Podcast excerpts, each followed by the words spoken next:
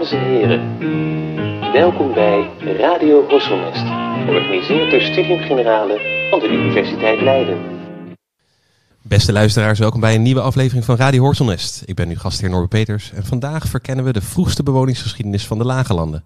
Met archeologen Gerrit Dusseldorp en Yannick Razinski-Henk. Beide alumni van onze universiteit en beide gespecialiseerd in prehistorische archeologie. Gerrit is universitair docent aan de faculteit archeologie, waarbij hij zich richt op menselijke evolutie en het gedrag van jager-verzamelaars in zowel Zuid-Afrika als Noordwest-Europa ten tijde van het Pleistoceen. Gerrit was al eens eerder te gast bij Radio Horselnest in aflevering 8 om precies te zijn om te praten over de stamboom van de mens. Yannick is voor het eerst te gast. Ook Yannick is archeoloog met een breed interessegebied. Hij is als buitenpromovendus, doet hij prospectieonderzoek naar middenpaleolithische vindplaatsen in het lustgebied. En hij doet sinds 2009 ook archeologisch onderzoek in Armenië en Georgië om inzage te krijgen in de vroegste migraties van hominiden buiten het Afrikaanse continent.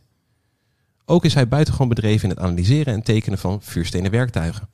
Hij geeft geregeld tekencursussen, maakt wetenschappelijke illustraties en schreef een Engelse en Nederlandstalige handleiding getiteld Het tekenen van vuurstenen artefacten of Drawing Lithic Artifacts, beide verschenen bij Sidestone Press.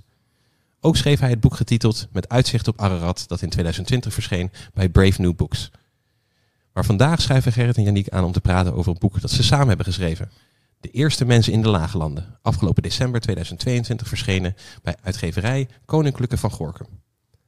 Hierin verkennen zij op een speels en toegankelijke manier de verschillende facetten van het leven van onze verre voorouders en hun filogenetische familieleden, die ten tijde van de prehistorie de Lage Landen aandeden. Eerst leiden ze de lezer langs enkele belangrijke stations in de ontwikkeling van hun vakgebied. Van lessen uit de evolutieleer en de ontwikkeling van dateringstechnieken tot reconstructies van een veranderend landschap van de lage landen. Bovendien zijn we niet de enige mensachtigen die deze kontrijen bewonen. We leren daarbij naast anatomisch moderne mens ook over Hollanders van weleer zoals de Homo antecessor, de, de Heidelbergmens en de Neandertaler. Op kundige en komische wijze presenteren de auteurs de nieuwste inzichten uit de archeologie en de paleoantropologie. En daarbij schuwen ze niet om gewaagde hypotheses te delen en halstarrige mythes over de prehistorie de kop in te drukken. We zijn bijzonder blij dat ze vandaag bij ons willen aanschuiven. Gerrit en Janiek, welkom. Dankjewel. Dankjewel. En dan moet ik misschien gewoon beginnen met de vraag, is de vriendschap ook begonnen bij eh, de studie archeologie? Dat kan ja. niet anders, hè? Ja, we zijn uit hetzelfde jaar op de universiteit. Uh, het heeft wel even geduurd voordat we bevriend raakten. Uh, laten we zeggen dat we nogal ver uit elkaar lagen in termen van, uh, ja, hoe moet ik dat zeggen? Interessegebieden? Ja, ik denk misschien wel. Maar in de loop van de tijd zijn we toch bevriend geraakt. En ook na het schrijven van dat boek zijn we dat nog steeds. Dat scheelt ook al. Ja, dat, dat is wel belangrijk om erbij te vermelden inderdaad. Dat kan ook wel eens een stuk lopen. Ik zag ook een hele leuke opgravingsfoto van jullie. Uh, dat je, toen jullie nog jonge honden waren. Ja. Hebben jullie een keer, jullie hebben ook meerdere keren samen opgegraven? Nee, dat is volgens mij ja, in Breda. Maar dat is de enige uh, steentijdopgraving die we samen gedaan hebben. Ah ja, want jullie, ja, je zit echt in hele, twee hele andere regio's. Hè? Want Janieke zit dus, je doet onderzoek in de lustgebieden.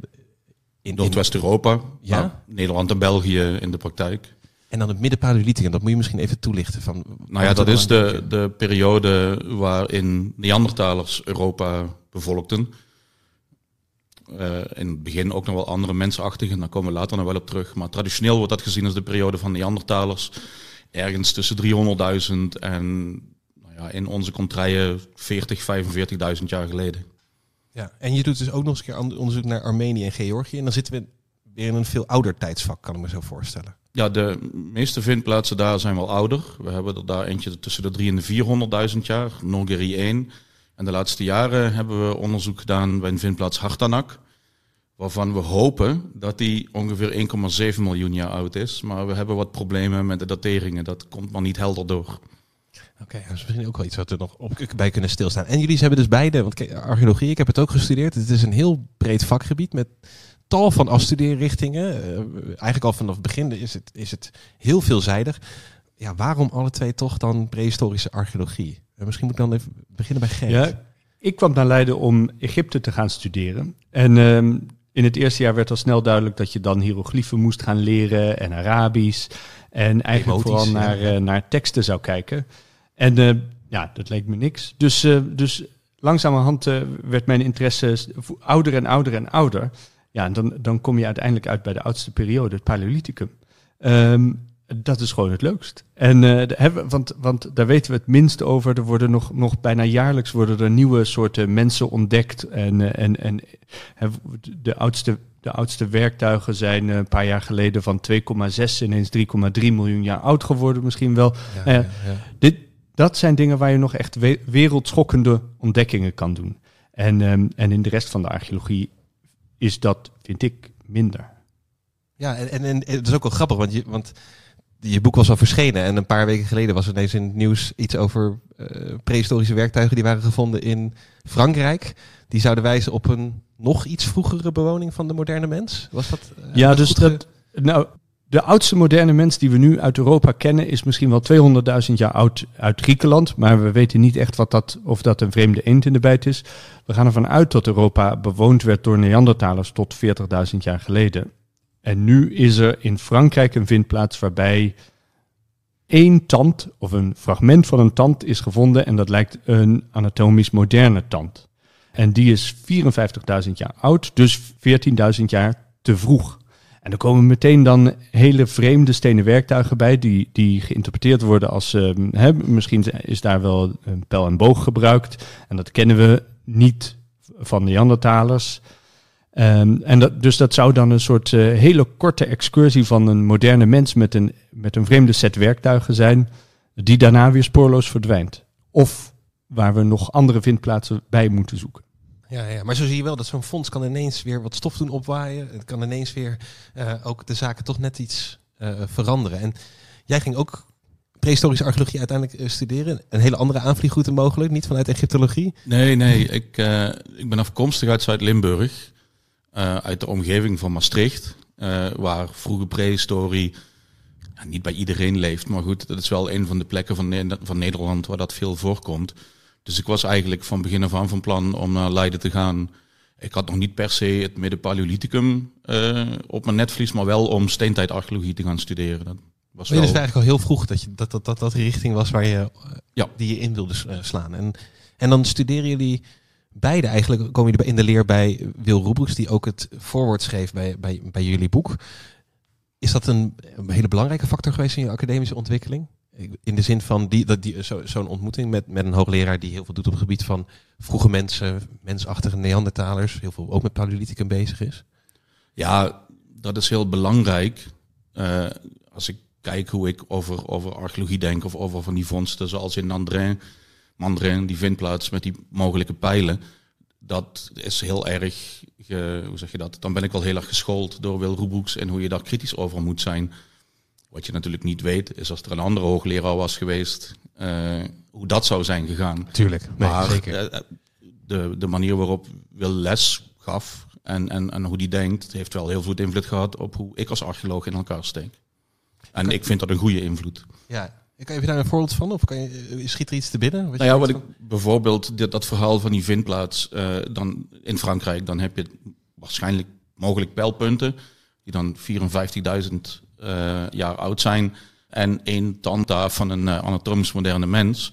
En dan moet dat dus een hele vroege excursie zijn van moderne mensen met pijl en boog in Frankrijk.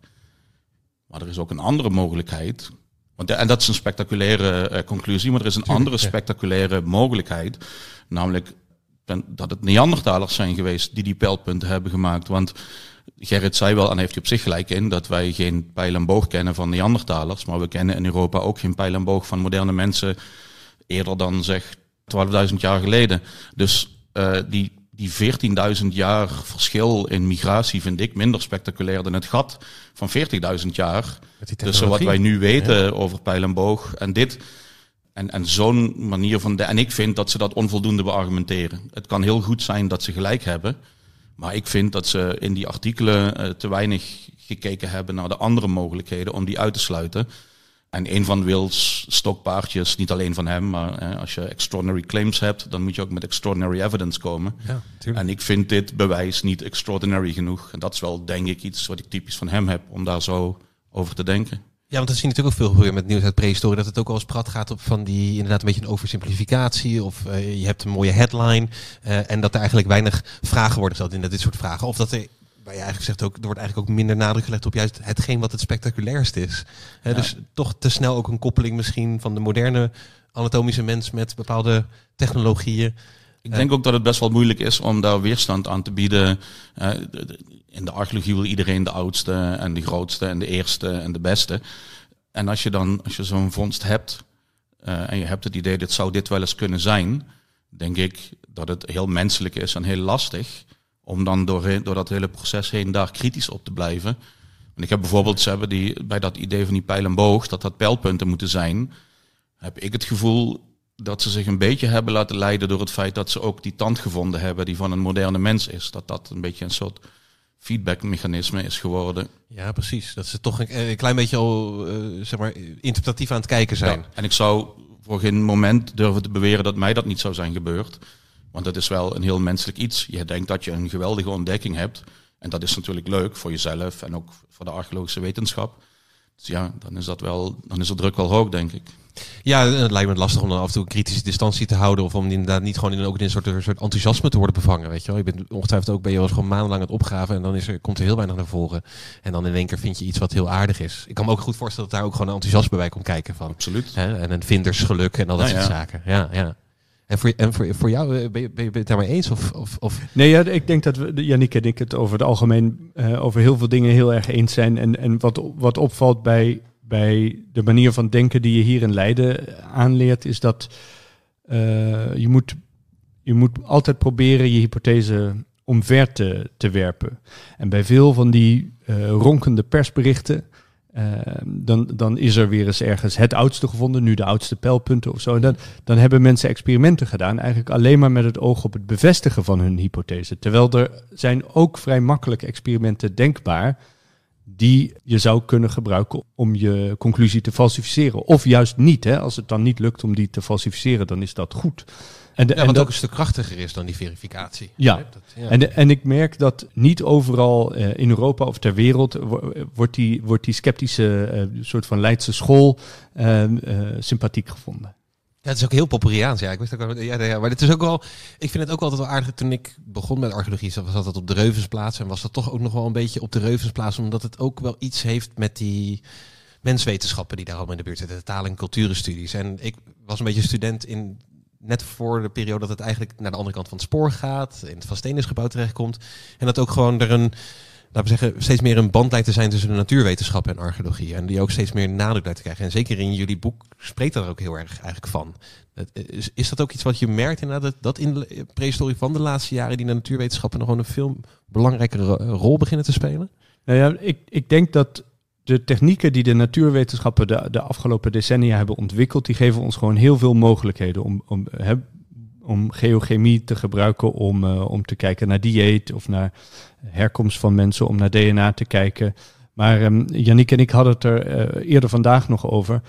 Je blijft eigenlijk de, de archeologie en, en ook de, de humanistische kant van die archeologie nodig hebben, omdat wat je moet begrijpen wat je samplet, wiens botten je samplet en wat die persoon, uh, wat zijn identi identiteit was, wat de, uh, om, om, om een stom woord te gebruiken, de lived experience was, de context. En dat wordt soms een beetje te veel naar de achtergrond uh, verdrongen nu. Hè. De, de, het lijkt er soms op dat, dat de, de DNA-cowboys gewoon museum na museum afgaan om wat te bemonsteren en dan verder niet, niet aan, aan kritische beschouwing van wat ze nu wat hun steekproef nu samplet. Uh, hè, dat, dat, dat, dat, doen ze niet aan. Dat publiceren ze gewoon als de bevolkingsgeschiedenis van Europa onlangs. Of, of van Ja, dus het is ook een beetje begeleid experimenteren bijna. Van of die, en de juiste vragen daarbij stellen. En, en, en dat ook je realiseren dat bepaalde zaken ook ja, mogelijk waardegeladen zijn bijvoorbeeld. Of mogelijk... Um,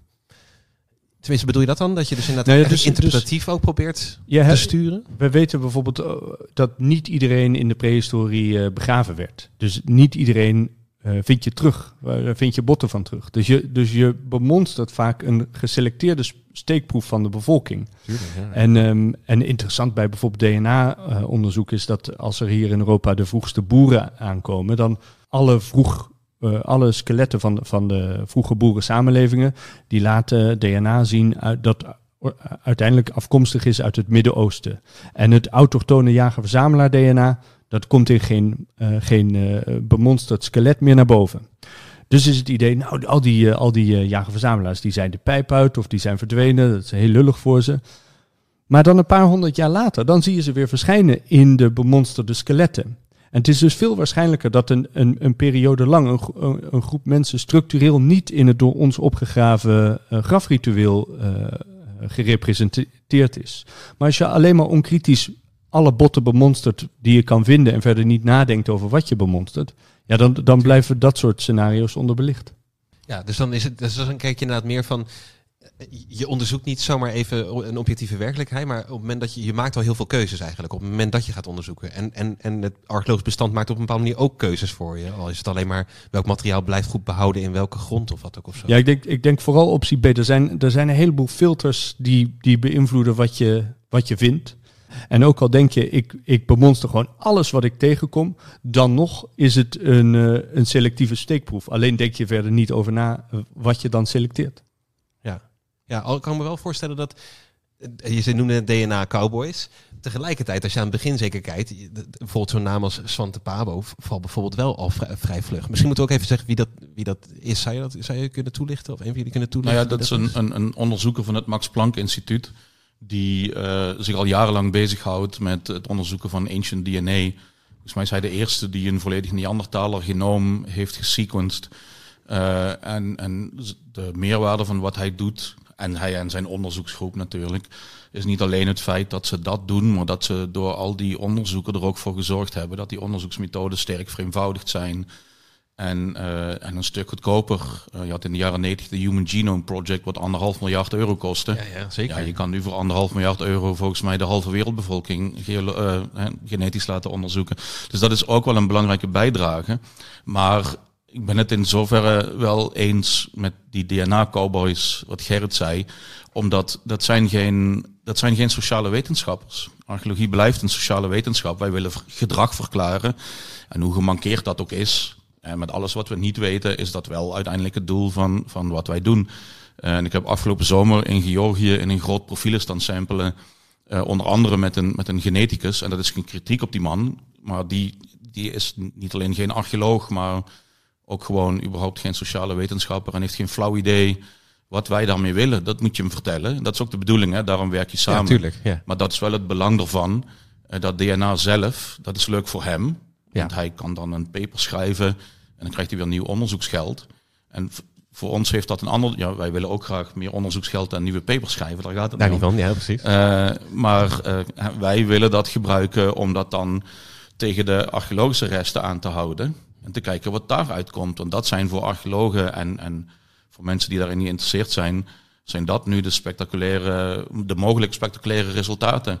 Uh, heb je Neandertaler vondsten tussen aanhalingstekens, zit daar dan ook Neandertaler DNA bij? Of zit daar iemand anders zijn DNA bij? Dat zijn nu hele interessante onderzoeksvragen, waarmee je heel makkelijk zeg maar, het traditionele kaartenhuis van hoe, hoe vuursteentypologie zou werken, in één klap onderuit kan schoppen. Dat is dan onze een van de dingen waar wij dan mee bezig zijn als archeologen. Ja, uh, en dat ja. zal die geneticus jeuken. Dat boeit hem helemaal niet. Hij weet helemaal niks van vuursteentypologie. En dat hoeft ook niet, hè? Nee, nee, nee, natuurlijk. Maar daarom is juist wel die, die, die samenwerking en het feit dat je, dat je elkaars werk versterkt, is denk ik wel super belangrijk. Anders, ja, anders hoef je het ook allebei niet te doen, gewoon.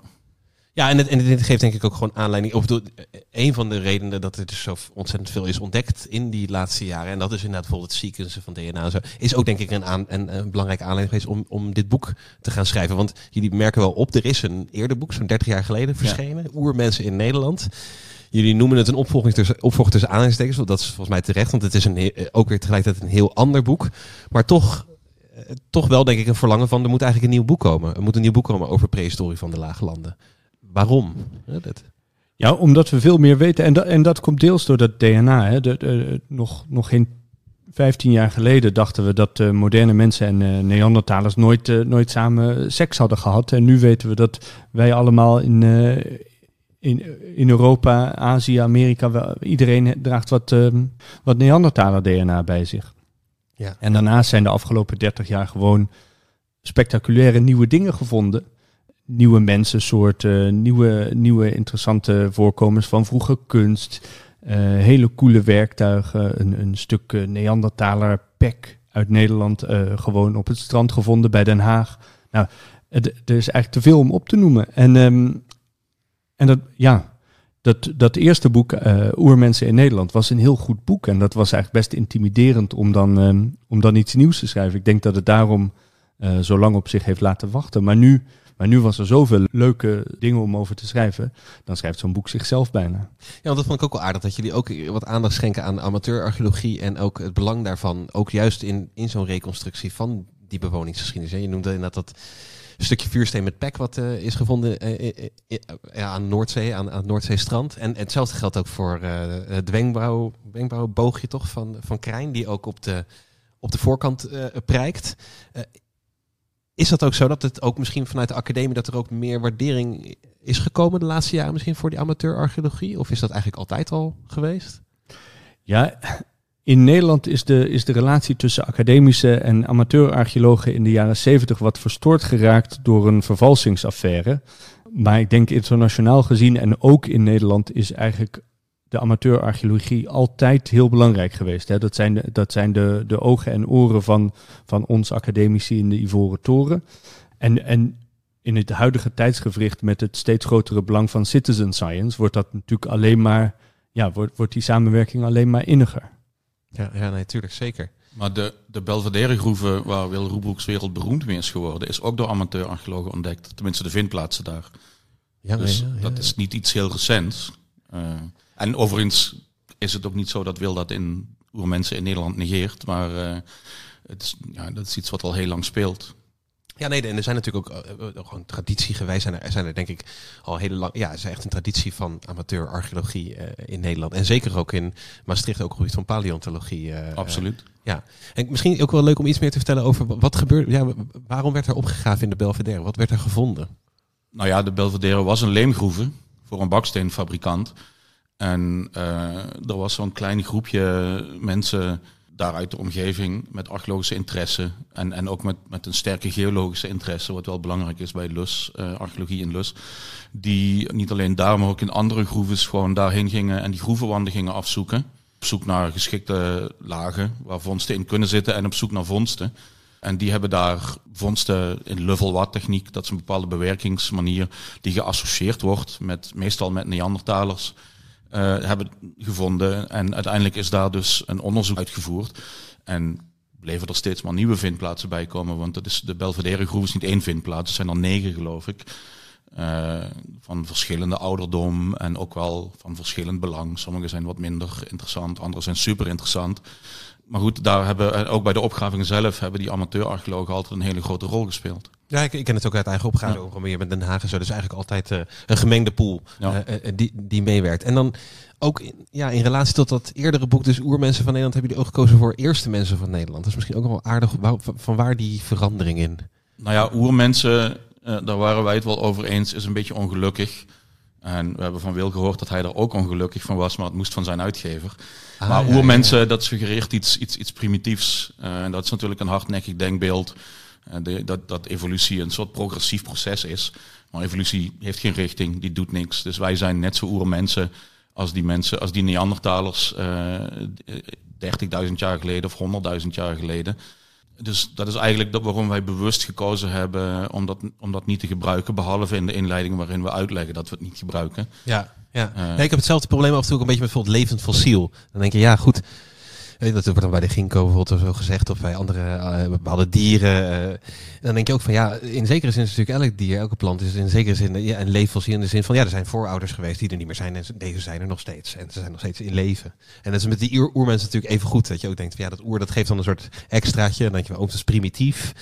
Soms tegenwoordig ook al iets positiefs trouwens, dat het juist positief wordt aangewend. Oer is ook, uh, heeft ook steeds meer positieve connotaties voor veel mensen. Daar krijg ik wel altijd een beetje jeuk van. Ja, ik ook. Ja, ja. ik weet dat Natuurmonument had op een gegeven moment oer als een soort uh, reclame om meer jongeren en zo bij de, natuur, uh, bij de natuur te betrekken. En ook wel een verschil is dat jullie kiezen voor de lage landen, wat toch wel iets groter is qua geografische dat oppervlakte. Is, dat is puur opportu opportunisme. Uh, want in België zijn gewoon leukere dingen gevonden dan in Nederland. En, uh, en waarom zou je jezelf beperken tot, tot de periferie als je ook België mee kan pakken? En ja, nee, mensen in België lezen ook Nederlandstalige boeken. niet, niet, niet onbelangrijk, natuurlijk, dat, dat ook. En dus, dus meer vindplaatsen, dat is, de, dat is een belangrijke reden.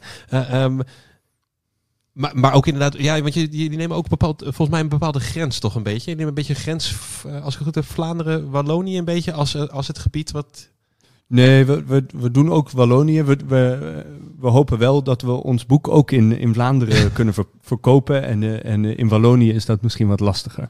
Maar um, vooral de, de Maasvallei en de Ardennen. Ja, dat, ja.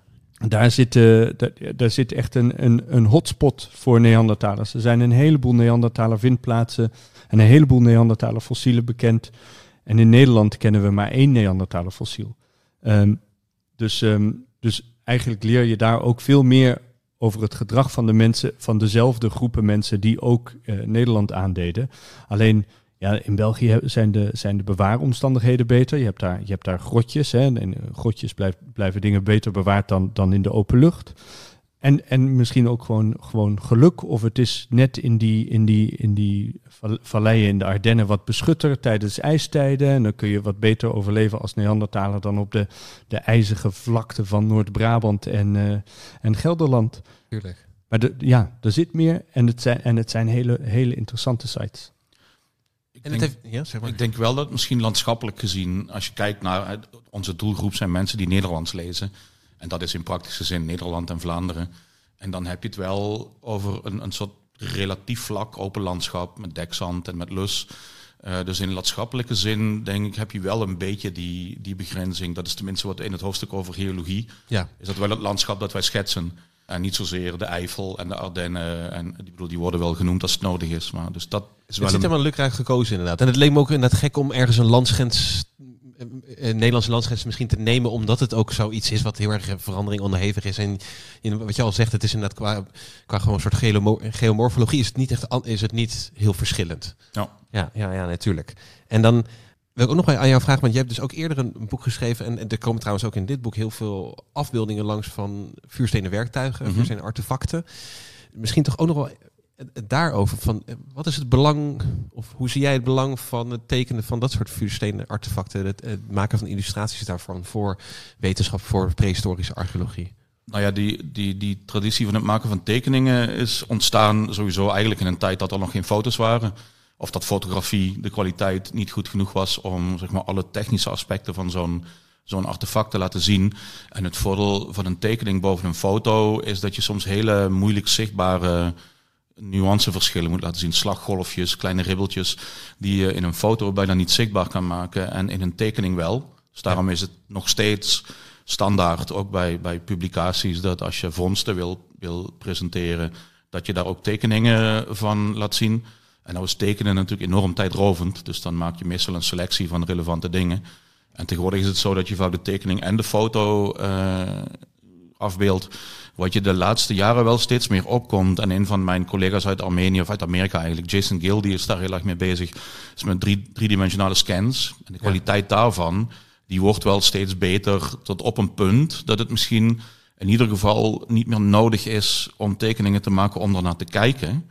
Maar wat nog veel belangrijker is, vind ik, bij het maken van die tekeningen, is dat als je wil leren hoe die, hoe die werktuigen of die artefacten in elkaar zitten en hoe die gemaakt worden, dan is er twee manieren om het relatief snel te leren. De eerste is ze namaken, maar dat is een bloederige bedoeling.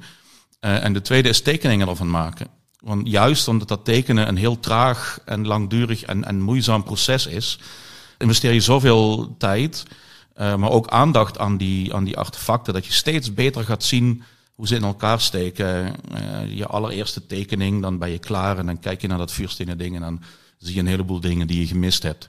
Ja, bij de twintigste heb je die allemaal te pakken.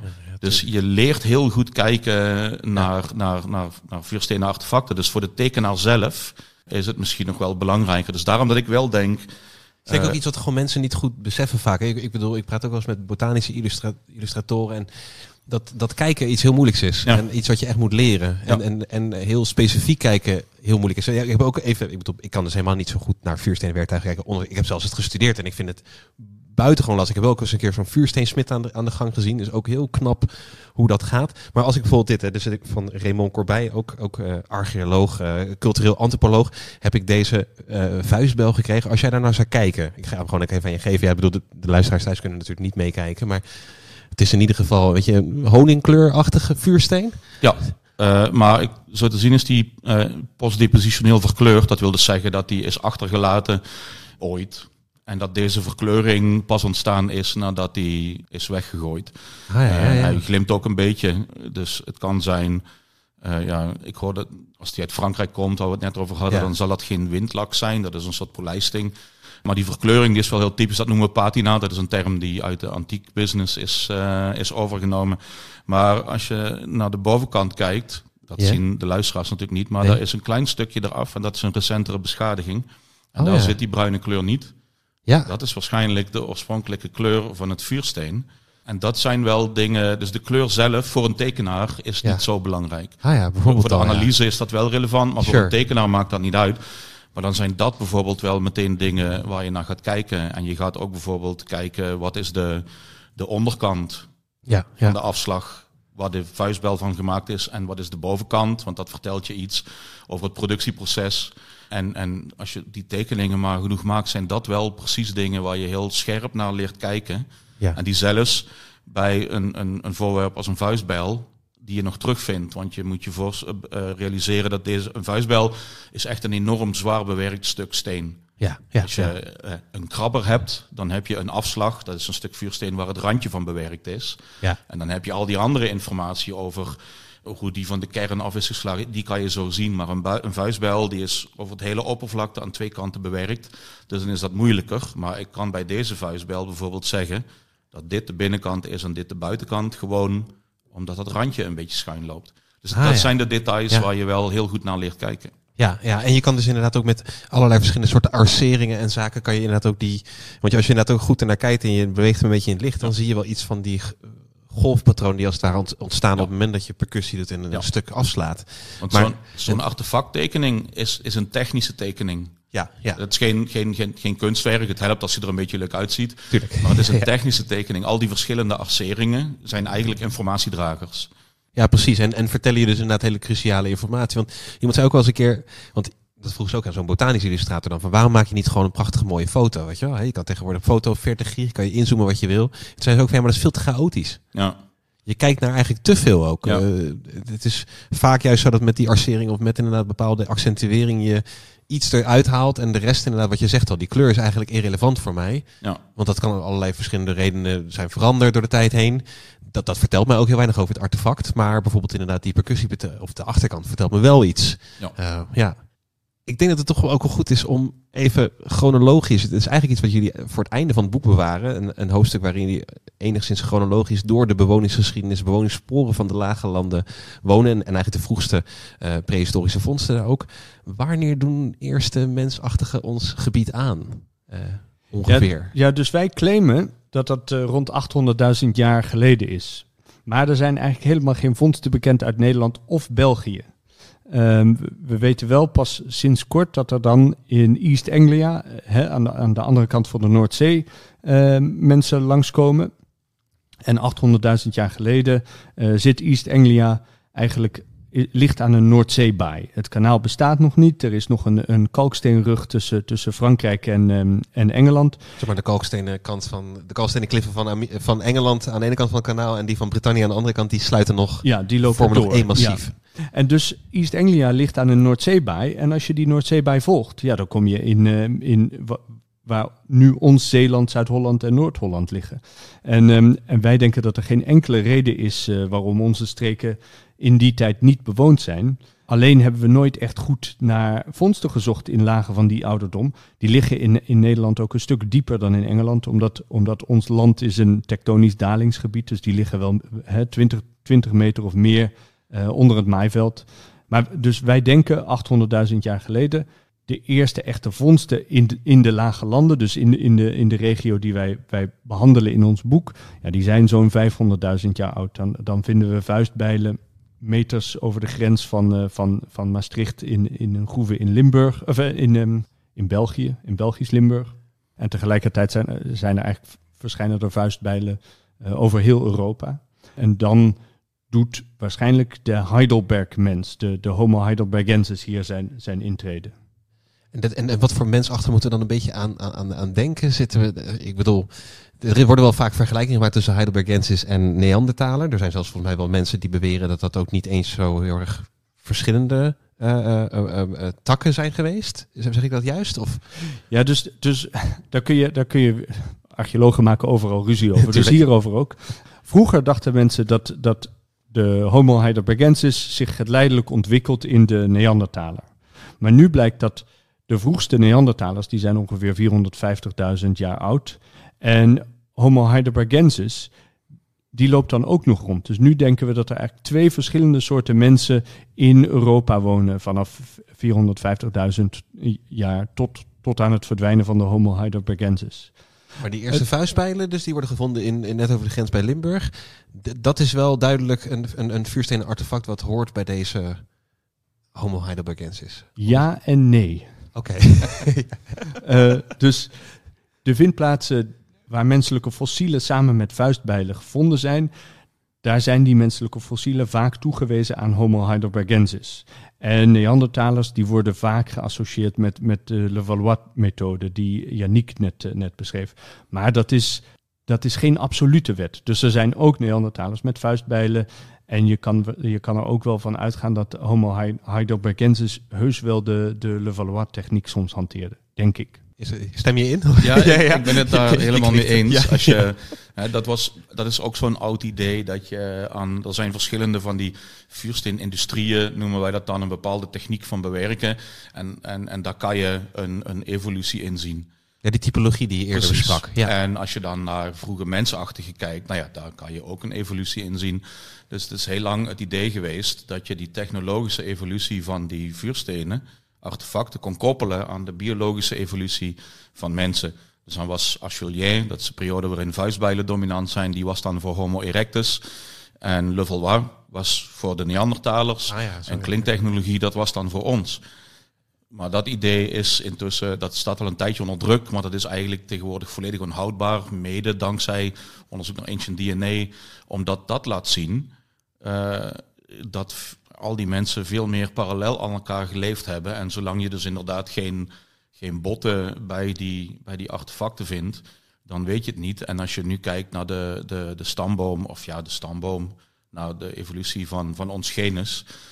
Uh, en je kijkt naar de periode waarin bijvoorbeeld Achelien gebruikt wordt, dan zijn er wel tien mensensoorten ja, die, ja, die leven in de periode waarin het Achelien voorkomt. En als je dat bij Level zijn er wel acht of negen. Ja, uh, of die dat ook allemaal gebruikt hebben, dat is wat anders. Maar er zijn dus wel voor Level wel acht kandidaten in termen van mensensoorten. Eh, onze eigen voorouders ook in Afrika. Ja, maakten ook level wat dingen. Dus dat is allemaal, uh, dat kan je niet meer één op één zeggen. Het is ook een beetje onderheven. Gaan we een beetje dat inderdaad uh, oude evolutionaire beeld, inderdaad, verkeerd evolutionair beeld, toch gewoon ook een zekere maat van progressie. Hè? Dat je zowel een progressie zou zien in het menselijke geslacht, als ook een progressie zou zien in een zeker steeds complexere uh, vuursteentechnologieën. Ja, daarom is klinktechnologie, waar je de mooiste dingen mee kan maken, die was ook voor ons gereserveerd. Ja, ja, precies. Ja, ja, ja, ja. wij natuurlijk op de hoogste tak van die traditionele stamboom zaten. Ja, ja. Maar goed, dat idee is, is onhoudbaar. Ja, nee, ja, en dan krijgen we dus, dus we weten eigenlijk niet zeker, die eerste vondsten die we dan wel hebben nee, in, want in België. Uit, uit Nederland en België hebben we wel die stenen werktuigen, maar kennen we van deze periode in ieder geval geen menselijke fossielen. Er is uh, in Engeland een scheenbeen gevonden en dat wordt aan Homo heidelbergensis toegewezen. En dat, he, naast dat scheenbeen liggen honderden vuistbijlen. Maar eigenlijk heb je het liefst een schedel, want een scheenbeen al die scheenbenen lijken op elkaar. En, da en dat is ook een beetje het, het ah punt met, ja, uh, met, die, met die mensensoorten. We kennen meer dan twintig mensensoorten nu.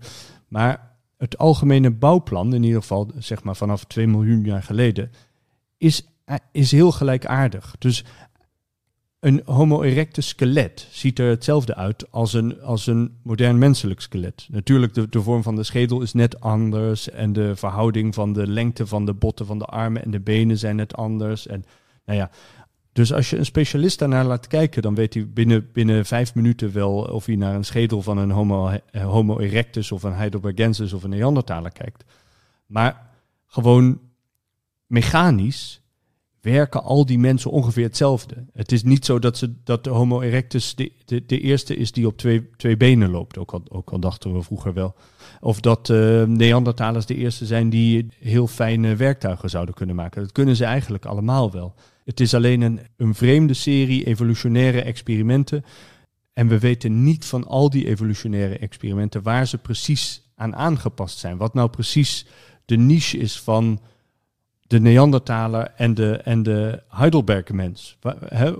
Als die samen in Europa bestaan, dan doen ze waarschijnlijk net andere dingen. Ja, maar we weten niet Of niet, ja, of ze concurreren juist elkaar uh, ja. de pan uit. Ja. Ja. ja, want dat is natuurlijk inderdaad ook, en dat ga je heel uitgebreid ook op in, inderdaad ook proberen dat landschap en ook eigenlijk alle andere spelers in dat landschap mee te nemen in die evolutionaire ontwikkeling. Want inderdaad, je kan je goed voorstellen, zijn natuurlijk ook heel veel van dit soort lijnen zijn verdwenen. En dat moet natuurlijk samen hebben met, met verdwijnen van misschien bepaalde niches of een veranderend klimaat, wat zorgt dat een bepaalde niche verdwijnt. Of er is een zuidelijke migratie vanwege uh, kou, want je schrijft ook heel veel glaciale, interglaciale, wat ijstijden en warmere periodes.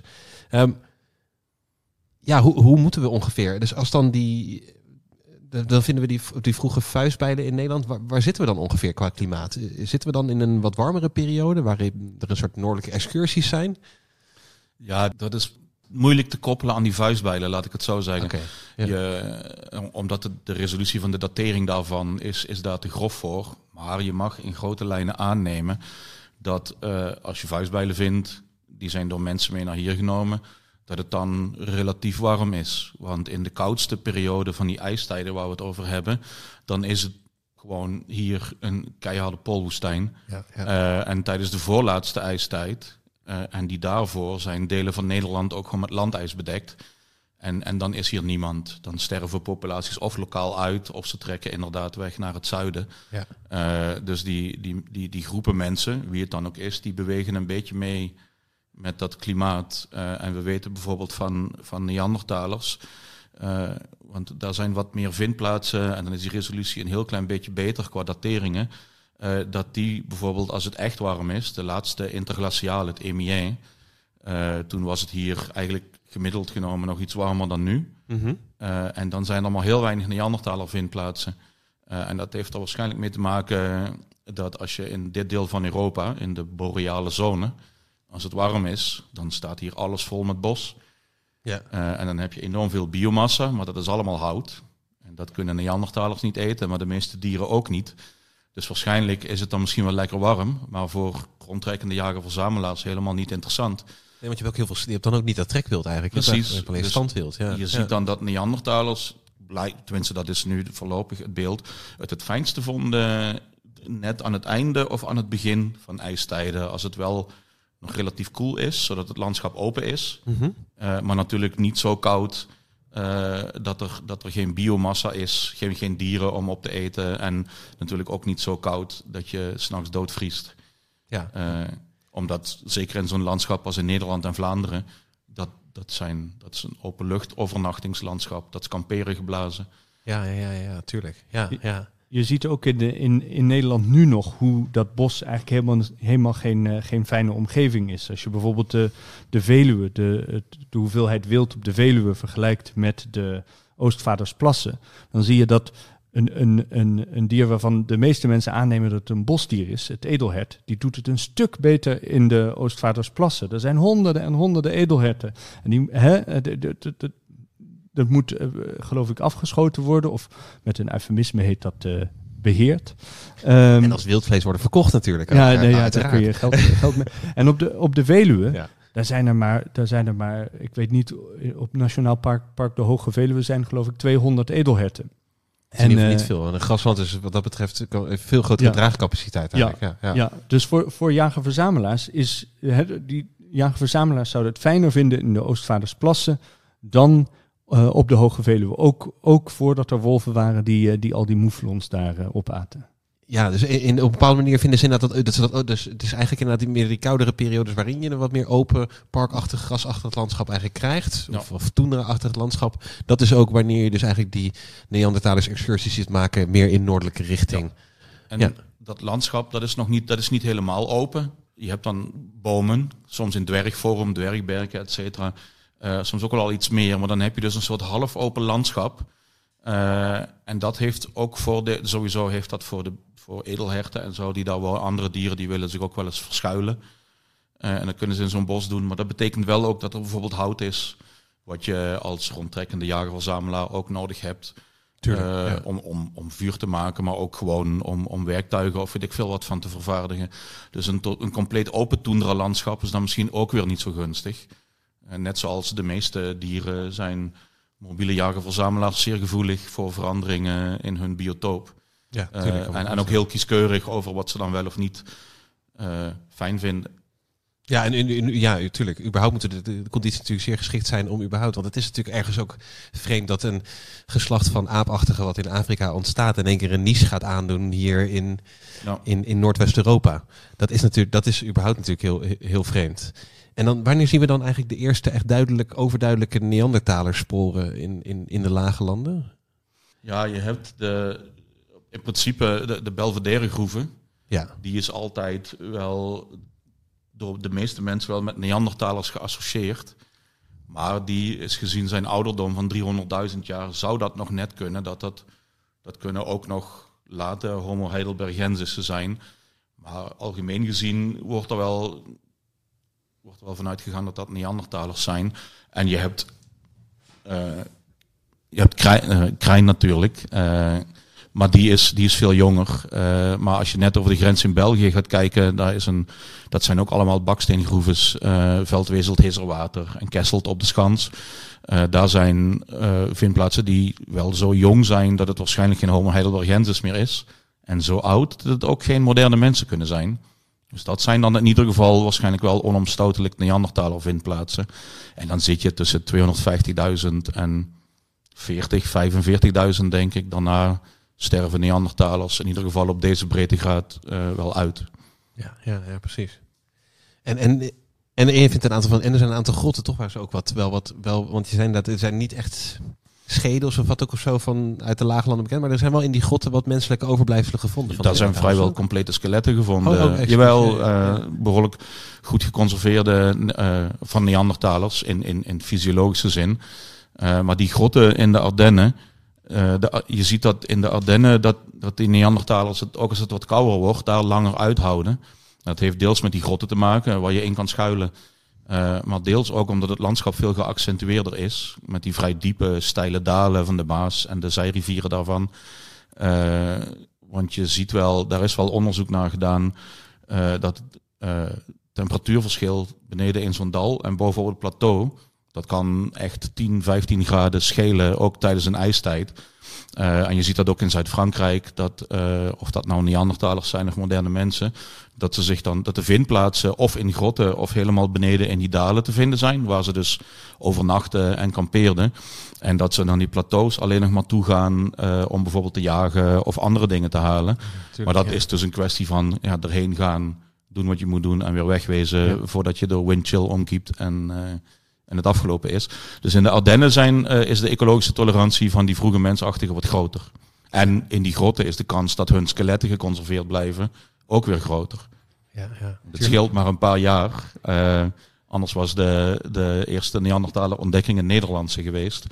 Want dat is een grot in Angie in België. Oh ja, Waar een Neandertaler schedel, of twee geloof ik, gevonden is door een Belgisch-Nederlandse arts. En ja, dat is net na de onafhankelijkheid van België Sterker geweest. Sterker nog, Yannick, dat is volgens mij voor de uh, onafhankelijkheid, namelijk in 1829. Oh, dat zou kunnen. Ah, ja. En, en, het, uh, ja, het is ook uh, wel voor de ontdekking van de Neandertaler in het Dusseltaal. Dus, dus ja, er werd daar een, een, een, schedel gevonden. En achteraf blijkt dat de Neandertaler te zijn. Maar die is toen niet als Neandertaler herkend. Die zou natuurlijk eigenlijk naar het Rijksmuseum van Oudheden in Leiden vervoerd moeten worden. maar um, maar helaas heeft België zich daarna afge, afgescheiden en die hebben meerdere vindplaatsen met hele, hele goede Neandertaler fossielen. Uh, de grot Spie uh, heeft, heeft, heeft twee skeletten volgens mij die, die bij de allerlaatst bekende Neandertalers zijn. Dus, dus vlak voor ze verdwijnen, dan leven er nog Neandertalers in het huidige België. Daar hebben ze ook onderzoek gedaan naar, want daar hebben ze ook uh, tandplak onderzocht, toch? In, die, in, in, in de tanden, tenminste bij de, de, de, tanden die, neem ik aan, bij die skeletten zijn aangetroffen. Ja, ja. en dan blijkt dat die, dat die Neandertalers zelfs tijdens een ijstijd um, zetmeelkorrels in hun, uh, in hun tandplak hebben. Dus dat, dus dat er zelfs tijdens een ijstijd ook planten een belangrijk uh, onderdeel van hun dieet vormen. Dus in die grotten van Spie, daar vind je de laatste Neandertalers in dit noordelijke gebied. Dus dan zitten we dan rond 40.000 jaar geleden ja. ongeveer ja. om en nabij. Ja. En dan wanneer krijgen we dan de eerste aanwijzingen voor moderne anatomische nou, mens? In België vlak daarna. Eigenlijk na, na, het verdwijnen van de Neandertalers is het hier al zo koud dat Nederland blijft dan uh, tienduizenden jaren onbewoond. Maar in België vind, vind je nog mensen uit, het, uit de eerste of tweede uh, jongpaleolithische cultuur. Het, het Orgnacien heet dat voor, voor archeologen. Dus dat zijn vroege moderne mensen in Europa. En die laten hun resten achter in, um, in diezelfde grotten in de Maasvallei. En uit het Orgnacien en vooral het daarop volgende Gravettien uh, zitten daar ook mensenbotten bij. Uh, en dat zijn, dat zijn botten van ja, anatomisch moderne mensen, Homo sapiens, uh, zoals wij. En die zijn onlangs bemonsterd voor DNA-analyse. En die, en die spelen ook een grote rol in, in ons begrip over hoe moderne mensen Europa zijn gaan bewonen. En, en, en welke afwisselende groepen zich binnen dat jong Paleolithicum, dus binnen de moderne mensen, zijn er weer zijn er ook groepen die uh, hier, hierheen komen en weer uitsterven. En dan komen er nieuwe groepen, alleen is dat nu van dezelfde soort. Um, en, en, genetisch kun je, kun je onder andere in België dus de, het komen en gaan van die verschillende populaties goed volgen. Ja, en dan zie je dus inderdaad dat op een gegeven moment, natuurlijk dus het moment is dat we dus geen, uiteindelijk geen Neandertalers meer vinden, en dan komt er uiteindelijk ook die moderne mensen. Dus dat is wel ongeveer ja. rond, kort daarna dus, dat, dat die ja, dus... Dus tussen 40.000 en zeg uh, 25.000 zie je in België nog um, homo sapiens. Daarna is het ook daar te koud. En dan, uh, hè, dan, dan, dan huilt de poolwind en is het, uh, is het helemaal leeg in België. En dan vanaf 15.000, dan, zie je, dan zie je daarna weer uh, dat, het, dat de aarde opwarmt en dat er ook weer mensen in België en Nederland uh, komen wonen. Ja, dus eigenlijk de intrede van de ja, Holocene, of dat zit daar kort daarna, ja. krijg je dan inderdaad op het eind het staartje van, de van het Pleistocene, dan komt die moderne mens vervolgens eigenlijk, eigenlijk, eigenlijk weer, weer terug. terug. Ja. Maar zo, dus in het interglaciaal daarvoor is het dus wel zo dat die moderne mensen dus ook eigenlijk in deze komt rijden. Of zitten we dan in de interglaciaal, of is dit juist tijdens het Pleistocene? Nee, dit is dus het Pleistocene kent meerdere ijstijden en interglacialen. Ja, ja. En, um, en, en dus deze wisseling van de wacht, dat, dat uh, speelt zich helemaal af in de laatste ijstijd. En er zijn wel binnen die ijstijd zijn wat kleinere wisselingen uh, tussen, tussen koud en net wat minder koud. Maar, uh, maar interglacialen die, die, die komen niet meer voor tot het Holocene, dus tot, de, tot onze huidige warme periode. Wat ik een heel leuk thema vind in het boek is dat je die in, uitgebreid ingaan. Dus het kent geen chronologische opbouw. Jullie gaan eigenlijk echt die verschillende facetten van die levens bespreken. En een van de aardigste is denk ik uh, uh, het, het, voedsel wat mensen namen. Het paleolithische dieet. Je hoort er veel over in het nieuws. Vooral veel trendy artikeltjes over uh, carnivore dieet. Of inderdaad op een of andere manier aansluiten in je dieet op wat die paleolithische mens dan heeft gegeven. Waar, waar komt denk je die, die trend vandaan? Of die obsessie vandaan met, met, met een paleo dieet? Ja, ik denk dat het idee is dat als je, als je maar doet wat je, wat je voorouders deden, en, of dan het liefst een romantisch beeld van wat je voorouders deden, dan ben je en gezond en is het eten lekker, want dan kun je iedere avond barbecuen. Um, maar, maar er klopt dus uh, niet zoveel van, jammer genoeg. Aan de ene kant heeft het dat verlekkerde, dat paleo-dieet. Lekker elke dag barbecuen, lekker elke dag uh, verse groenten. Uh, fruit, je ziet ook hele gekke dingen voorbij komen. Avocado's, tomaten. Dat ja. je denkt van, goed, waar, hoe, zijn die, hoe hebben die paleolithische mensen daaraan kunnen komen? Ze komen immers niet uh, uit, uit Zuid-Amerika, Midden-Amerika. dus ja, er zijn dus heel veel van dat soort eigenlijk mythes eigenlijk in omloop. En ook wel een beetje die gedachte, denk ik toch ook wel, dat het, het is een beetje die romantische gedachte van vroeger voor de landbouw was het allemaal beter. Want dat, al die landbouwvoedsels, dat is allemaal suikers en alcohol en, en granen en andere toestanden. En zetmeelhoudende producten. En, uh, dat voor de landbouw alles, alles beter was. Ja. Daar zijn Janiek en ik het over eens. Alleen, helaas zijn wij alsnog het, uh, het product van landbouwsamenlevingen. Mm -hmm. En dus het heeft geen zin om een paleo-dieet te eten, want, want wij zijn geen paleo-mensen. En dat is eigenlijk wel heel fijn, want wij leven niet in een ijstijd en gaan niet dood op ons veertigste. Zeker fijn. En wat, wat, waar zou dan het, het, verschil nog meer, nog meer in zitten? Want je zegt inderdaad, oké, okay, we zijn geen... Maar we hebben wel een... Nou, het grootste deel van onze geschiedenis speelt zich niet min af voor die, voor die landbouw. Ja, nou ja... Um, een van de aannames van dat paleo-dieet is dan dat dat goed voor je is, omdat ja. wij diep van binnen nog steeds jager-verzamelaars zijn. Ja, en dat is evolutie, dat zijn we inderdaad de eerste 275.000 jaar van ons bestaan geweest. Uh, dus, uh, dus dat is hoe wij fysiologisch in elkaar zitten. Maar dat is helemaal niet zo. In ieder geval niet, uh, dan heb ik het nu even over, specifiek over Europeanen. Mm -hmm. waar bijvoorbeeld melk en kaas een groot deel uitmaken, onderdeel van het dieet. En dat komt omdat wij lactose tolerant zijn. En heel veel mensen denken dat dat normaal is. De norm is lactose-intolerantie, want dat is een van de mechanismen waarmee jongen, uh, jonge dieren gezoog, gezoogd worden als het tijd is om, om ander voedsel te gaan eten. En bij ons gebeurt dat niet meer en dat is het gevolg van het feit dat onze voorouders op een gegeven moment op steeds grotere schaal melkproducten zijn gaan consumeren. En dan krijg je natuurlijke selectie op kindjes die dan niet van dood gaan.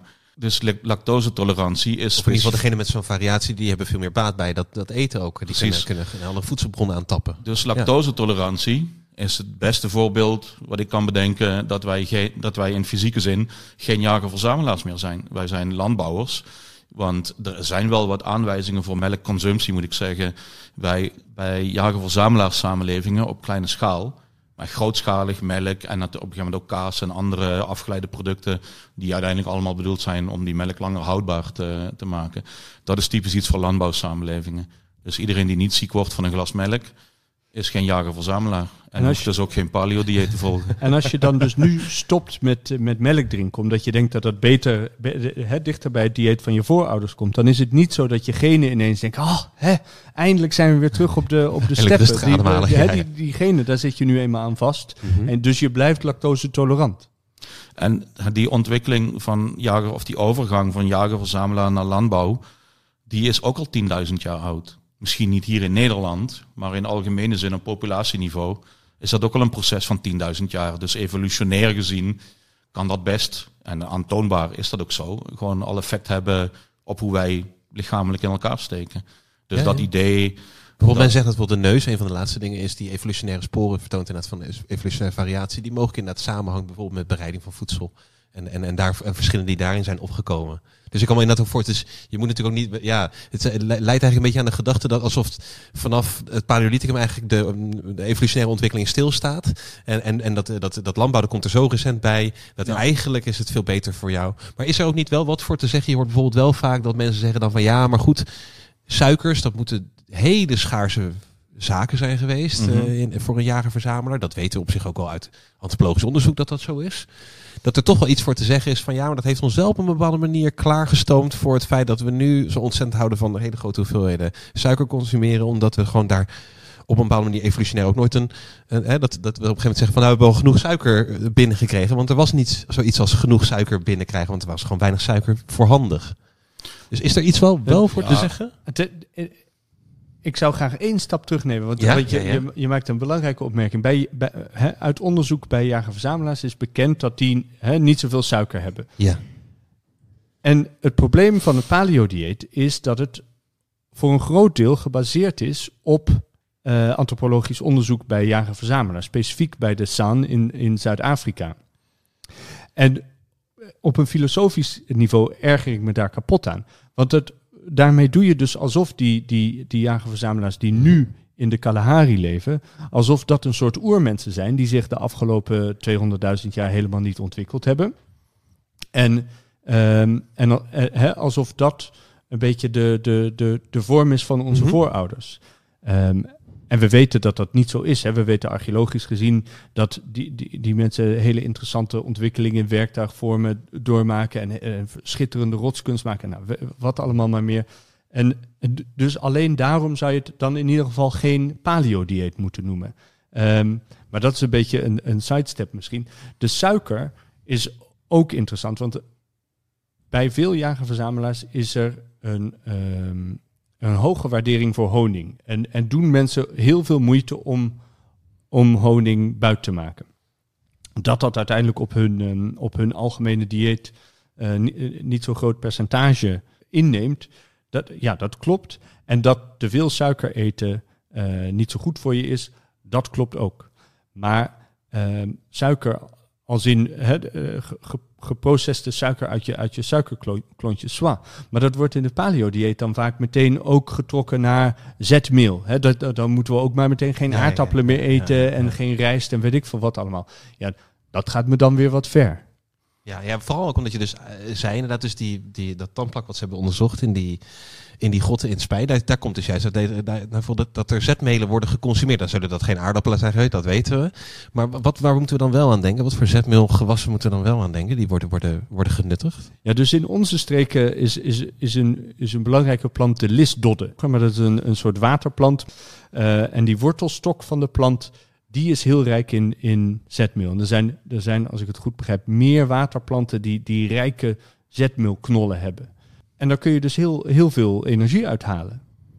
Ja, dus, dus in ieder geval worden dus deze, dit, dit soort zetmeelknollen worden dus in het verzameld van waterplanten. Ja, listel is inderdaad iets wat heel gretig groeit hier aan, uh, langs de slootkanten. Uh, maar dat werd dus uitgegraven en die knol werd dus, werd dus bereid. Ja, of moet nou, dat, wordt dat bereid? Werd dat, dat denken we, maar die, die, die zetmeelkorrels zijn heel moeilijk op soort te determineren. Dus wij weten ongeveer wat voor zetmeelrijke planten uh, er, er hier groeiden toen die Neandertalers met die, tand, die tandplak aan het opbouwen waren. Maar welke van die planten ze nou precies in welke verhoudingen aten, ja, dat, uh, dat is nog uh, voor, voor verder onderzoek, denk ik. Ja, want jullie vertelden überhaupt dat het is heel lastig eigenlijk. Uh, hè, dus de plantenresten zijn ook een lastige categorie binnen. Eigenlijk proberen een reconstructie te maken van dat archeologische eten. Maar waar heeft dat zo mee te maken? Is dat, is dat vooral inderdaad dat je gewoon in het archeologische bestand dingen gewoon niet bewaar blijven? Is dat deels. En deels, het, ik denk dat het voor een deel ook gewoon uh, weer een van die ingesleten ideeën is. Uh, dat onze, onze primitieve voorouders uh, achter rendieren aanrenden en die doodsloegen en die opaten. kijk, als je een, een maakt niet uit, een, een, een steentijdvindplaats van jagerverzamelaars, als je die opgraaft, nou ja, dan vind je stenen werktuigen en als je geluk hebt, dan vind je botmateriaal van de dieren die ze opaten. Maar niet de planten die ze aten. Of, of, hè, of die ze misschien aten, maar dat weet je dus niet. Dat is een afwezige categorie. En in het begin van, van die hele onderzoekscyclus, laten we zeggen, weet ik veel, honderd jaar geleden, want mm het gaat al best wel een tijdje, werd eigenlijk klakkeloos aangenomen. Oh, dus dit zijn, daarom heb je ook heb je het over rendierjagers en zo. want je vindt, tuurlijk, vindt plaatsen met rendierbotten. Dus deze mensen waren gespecialiseerd in het jagen van rendieren. En alle andere dingen die ze deden, die zie je niet terug. Uh, en uiteindelijk krijg je dus die, die, die trend dat er steeds meer natuurwetenschappelijk onderzoek wordt gedaan naar dingen. En een van de eerste onderzoeksmethoden die gebruikt ging worden was isotopenonderzoek. Stabiele isotopen, die zitten overal in. En als jij heel veel vlees eet, dan uh, krijg je die isotopen in je eigen systeem en dat kun je meten. Uh, en, of ja, vis inderdaad, of wat voor dieet dan precies. En dan gaan, ja. Of vis. Maar, en dan gaan mensen dat dus meten en zeggen, ja, kijk maar, heel veel vlees. Tada, wat we altijd al zeiden. En daarna uh, evolueert dat proces weer wat verder en realiseren mensen zich dat het misschien wel gewoon zo is dat je isotopen van planten, dat, dat is niet mijn vakgebied, hè, of ze die niet hebben of dat je die niet terugvindt. Maar uh, op een gegeven moment daalt het besef in dat het best wel eens zou kunnen dat planten ondervertegenwoordigd zijn in al die onderzoeksmethoden. En er zijn wel andere manieren. Zetmeel is er één ding. Lipiden, dat zijn een soort vetten die in planten zitten, die lang bewaard blijven. Uh, er zijn er nog wel wat meer. En als mensen daar onderzoek naar gaan doen, dan blijkt plotseling dat je die overal tegenkomt. Uh, en dus nu, en dat is niet nu als in heel recent, maar de laatste jaren, is er dus steeds meer aandacht voor die, voor die plantaardige component van dat eten van die jager-verzamelaars. En, en dat is deels denk ik ook wel gebaseerd op, op, op antropologisch onderzoek naar jager-verzamelaars. Maar dat, ik vind dat, was net ook al, je moet daar wel een beetje, denk ik, voorzichtig mee zijn. Dat als je nu naar de San gaat in, in de mhm. Kalahari-woestijn, uh, dat als die niet omringd waren door veehoudende buren die de beste gebieden ingepikt hebben, ja. dat ze er misschien wel niet voor zouden kiezen om in de Kalahari-woestijn te wonen. Ja, het benadrukt eigenlijk weer wat je eigenlijk aan het begin benadrukte. Van, dat je toch ook weer de, de, de, het human, of eh, de humanistiek een klein beetje behoeft om wel bijvoorbeeld te realiseren van nee, deze jaarverzamelaars wonen eigenlijk in een gebied omdat ze zijn verdreven door ja. veehouders of wat ook of zo. Dus als ze dan een rijker gebied zouden leven, wat, wat doet dat dan met hun uh, dieet inderdaad? En, en, en, en hebben ze daar ook niet weer ontwikkelingen in? Maar kunnen we hier wel zeggen van, oh, dit is dus wel ook wat ze dus al zo'n tijd geleden deden. Maar er leidt in ieder geval wel wat sporen en aanwijzingen zijn steeds meer richting dat toch ook plantaardig voedsel een heel belangrijk uh, onderdeel ja, vormde van. Uh, Absoluut. En dus ook een enorme ontwikkeling van eigenlijk de archeobotanie die, die, daarbij, die daarbij komt. Ja. En, en daar zitten ook weer sociale aspecten aan. Want als er dan gekeken wordt naar jagerverzamelaars, en dan is jagen, dat is mannenwerk. Ja, ja, ja, en planten tuurlijk. verzamelen, dat is vrouwenwerk. En ik vond het interessant dat ik daar, ik was daar naar aan het kijken en dat je dan een artikel, dat ik een artikel las over dat dus die plantaardige component van het dieet veel groter is bij jagerverzamelaars in het Pleistocene dan altijd gedacht werd. En de conclusie van de auteurs van dat artikel was dus, oh ja, maar dan moet de rol van vrouwen dus veel groter zijn geweest in de samenleving. Oh ja, zo ja, ja. En dat ze niet op het idee kwamen dat dat misschien betekent dat mannen ook wel planten gaan verzamelen.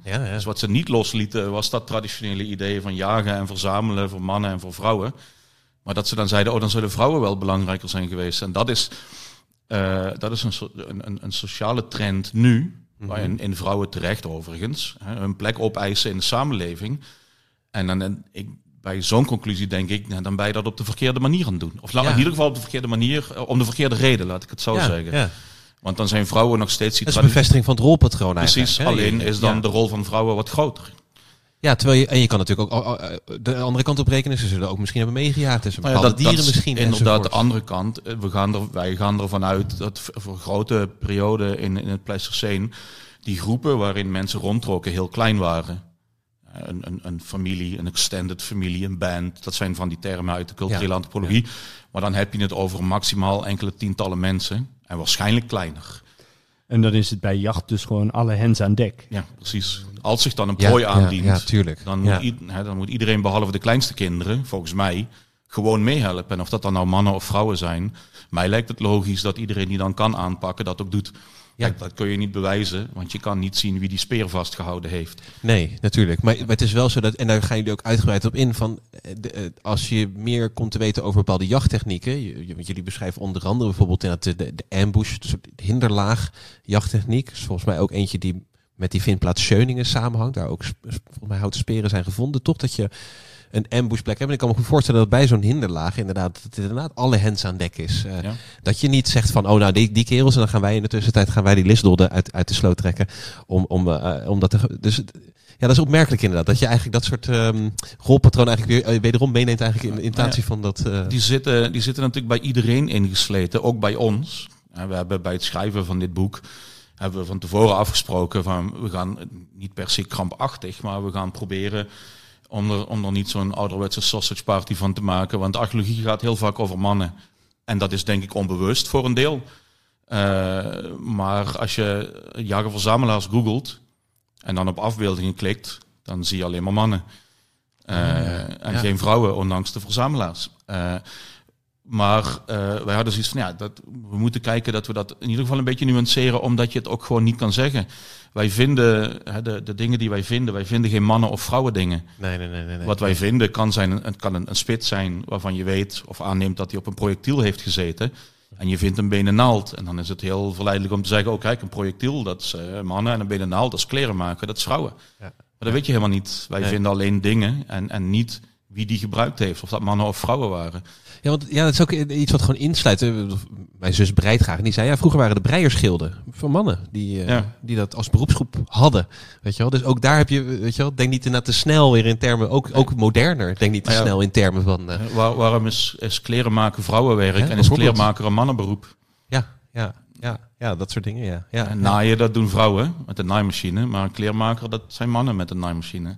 Dus dat, ja, dat, en, en dat, is, dat zit heel diep. En dat is ook niet erg. Hè, dat, zo werkt het gewoon. Ja. Maar daar moet je je wel bewust van zijn. En, en wij hebben, we hebben ook bij het schrijven elkaars dingen gelezen. En ook dan constateer je af en toe dat je toch, of dat nou Gerrit of ik ben, maar dat je onbewust Oh, aan het schrijven bent. En dan is het wel handig als je dan, ja, je bent een soort, soort, soort interne correctie om, daar, eh, om daarop Ja, te dat letten. je, dat je bij elkaar dat de proef, le- eh, Ja. proef leest, inderdaad. Nou, nou, nou denk ik wel dat eh, nothing make- makes sense in biology except in the light of evolution of zo. Ja. Ik weet niet wie dat zei, maar, ehm, Topsansky.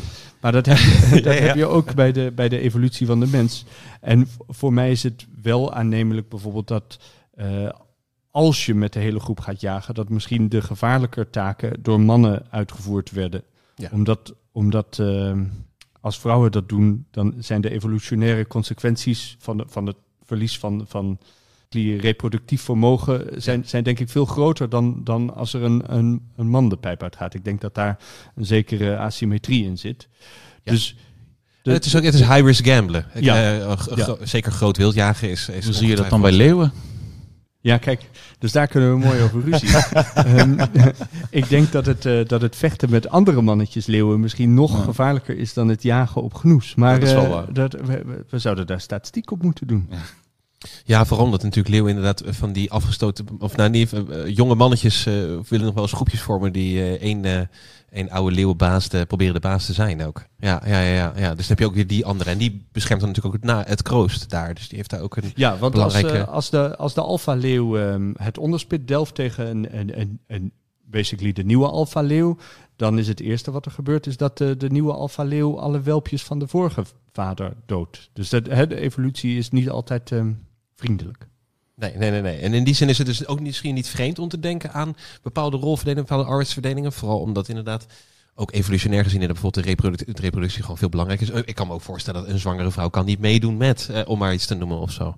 Maar het is wel dat je daar dus eigenlijk op probeert, nou ja, dat je dat in ieder geval probeert dus indachtig dus, te zijn. Dus dat zal op de, op de lange termijn misschien patronen een beetje vormgeven. Maar mensen zijn natuurlijk nooit bewust bezig van, oh shit, ik moet evolutionair gezien nu uh, de mannen maar uh, laten jagen. Dus, uh, nee. dus er zijn altijd uitzonderingen en het is nooit zo zwart-wit als het vaak in onze karikatuur, karikaturale geschiedschrijving eindigt. Wat, wat wel grappig genoeg vond ik in ieder geval als een soort paal boven water staat, is dat, ondanks dat we vandaag de dag misschien wat vreemd vinden klinken, dat paardenbiefstuk heel hoog op het menu stond. Ja, maar ja, volgens mij zijn paarden uh, van 99% van de menselijke geschiedenis eten geweest. En pas echt in de laatste, laatste paar duizend jaar dat iemand dacht, je kan er ook op gaan zitten. ja, ja, uh, en toen werd het een edeldier. Ja, ja, Nou ja, en kijk, dat, ook dat is, uh, is, iets, is eigenlijk een ingesleten idee. Ja, heel, heel veel mensen realiseren zich volgens mij niet dat die, die, die eerste 800.000 jaar, of hè, als je het over jager-verzamelaars hebt, dan komt er nog een paar duizend jaar Mesolithicum bij. Dat is 99% van onze geschiedenis. En dat is de norm. Als je, als je over, over normaal of abnormaal, dan is dat eigenlijk de norm. Want dat is het overgrote deel van hoe wij, hoe wij geleefd hebben. Uh, dus daarom dat ik dat expres zeg, dat pas iemand op het allerlaatste idee, op het idee komt dat je erop kan gaan zitten. Ja, wij vinden dat nog, wij vinden een paard een rijdier. Maar dat is een heel nieuw idee in termen, als je, als je het over de hele lengte van onze soort en, en onze, onze, onze broers en neven en nichten en zo bekijkt. En, en paard komt heel vaak voor als prooidier. we, je noemde eerder de, de vindplaats Schöningen, waar, uh, waar acht houten speren zijn gevonden met de resten van 20 of 21 paarden. En die paarden die vertonen allemaal slachtsporen. dus daar hebben Neandertalers of Homo heidelbergensis hebben, hebben paarden een moerasje ingedreven, afgemaakt en, uh, en geslacht. Maar je ziet dat ook uh, bij, bij Homo sapiens. Um, zegt 20.000 20 jaar geleden is er een, uh, is er een vindplaats Le Solutré, um, waarbij uh, paarden van, bij, bij, bij een, rotsklif bejaagd zijn en waarbij een paar duizend jaar lang ieder jaar een paar paarden gedood zijn. En dat zijn er uiteindelijk zoveel dat er een, dat er een, een meter dikke aardlaag is, um, is ontstaan. En die noemde door de opgravers in de 19e eeuw een magma de cheval. Uh, dus het is gewoon ja, ja. een meter dik paardenbotten. En, uh, en, en daarop staat nu blijkbaar een hele goede wijngaard. Um, en ik, en dus ik, ik wil graag die, die wijn drinken. Um, je wil graag nog een keer opgraven. Ja, nou, ja, dat, dat, uh, er zijn nog hele belangrijke vragen die nog on, ook. onopgelost zijn. Ja. Ja, ja, Maar uh, blijkbaar is, is uh, een meter dik pakket paardenbotten onder je, onder je wijngaard goed voor het terroir. Dat, dat, dat dan weer wel. En, en, en je zei ook, dus bij Schöningen zie je ook de snijsporen op, op, op, op die botten. Weten we een beetje ook van, buiten dus dat we dus van zo'n vindplaats weten, van de heer is inderdaad een soort hinderlaag geweest. Die zijn paarden in een moeras gedreven met speren om het leven gekomen. Weten we ook een beetje wat, we, e-, wat ze eten van deze paarden? Zijn er bepaalde dingen nou ja, die hoger op het nu staan? Het interessante bij Schöningen is dat de, de locatie van de snijsporen op de botten en, en de aard van de snijsporen erop wijst dat die mensen die die paarden hebben gevild, helemaal niet echt achter het vlees aan zaten, maar achter de huiden. Ah, ja, ja, Want de snijsporen die op die botten zitten, die zijn eigenlijk voor het overgrote deel uh, zijn die indicatief voor het villen. En je hebt dan aparte slachtsporen, bijvoorbeeld voor het lossnijden van, van het bovenbeen of van de schouder of van die, van die delen waar veel vlees aan zit. En die ontbreken gewoon. Het, wat wel gedaan is, is dat de lange beenderen zijn stuk geslagen voor het merg. Uh, maar de snijsporen duiden dus eigenlijk voornamelijk op, op, op villen. En dat is de Secondary Products Revolution. 300.000 jaar voordat men zei dat de Secondary Products Revolution heeft plaatsgevonden in het Neolithicum. Ah, dus dit was helemaal niet om. Uh, dit was helemaal geen. Uh, dit was helemaal niet het primair voedsel. Daar lijkt het sterk ja, op. Ja. Natuurlijk lastig. Maar en dan wel merg, is dat dan? Dat wordt dan wel. Ja, nou ja, dat, ja, je vertelde het voor, voordat we opnamen. Ja, ja, even kort uh, erover. Maar merg, merg, vooral uit dan de, de lange beenderen van de poten. Ja. Uh, de, uh, dat, dat is enorm voedselrijk. Daar zit, dat is heel vet, er zitten heel veel calorieën in. Uh, dus wat je bijna altijd ziet, en niet alleen in Scheuningen, maar dat de lange beenderen van prooidieren zijn bijna altijd stuk geslagen. En dat is dus waarschijnlijk om dat merg eruit te halen. Uh, en dat zijn een paar, ten eerste, als je gejaagd hebt, dat is nogal fysiek en intensief. Uh, dat dat dus een soort, soort snack is om weer wat energie op te doen als het beest eindelijk is gestopt met trappelen. En een andere theorie is dat het ook een soort beloning is voor de jager. Want de rest van het vlees, dat neemt hij dan mee terug naar waar de rest van zijn groep dan is. En dat deelt hij. En dit zou dan het lekkerste gedeelte moeten zijn. En dat is dan voor de mensen die het dier gevangen hebben. Ja, maar jij vertelde dat je een stukje rauwe, rauw ik, beenmerg een keer mogen proberen. Ik heb ooit uh, in, in de volledige dwaling, uh, dat ik, ik denk, ik ben bezig met onderzoek naar jagerverzamelaars. Uh, en die doen dat. Dus immersive archaeology, dan moet ik dat ook doen. Tuurlijk. Maar dat was een misvatting. Het is een van de grootste dingen die ik ooit gegeten heb. En dat is natuurlijk een kwestie van smaak en wat je gewend bent. Absoluut. Zij zullen er vast van genoten hebben, maar...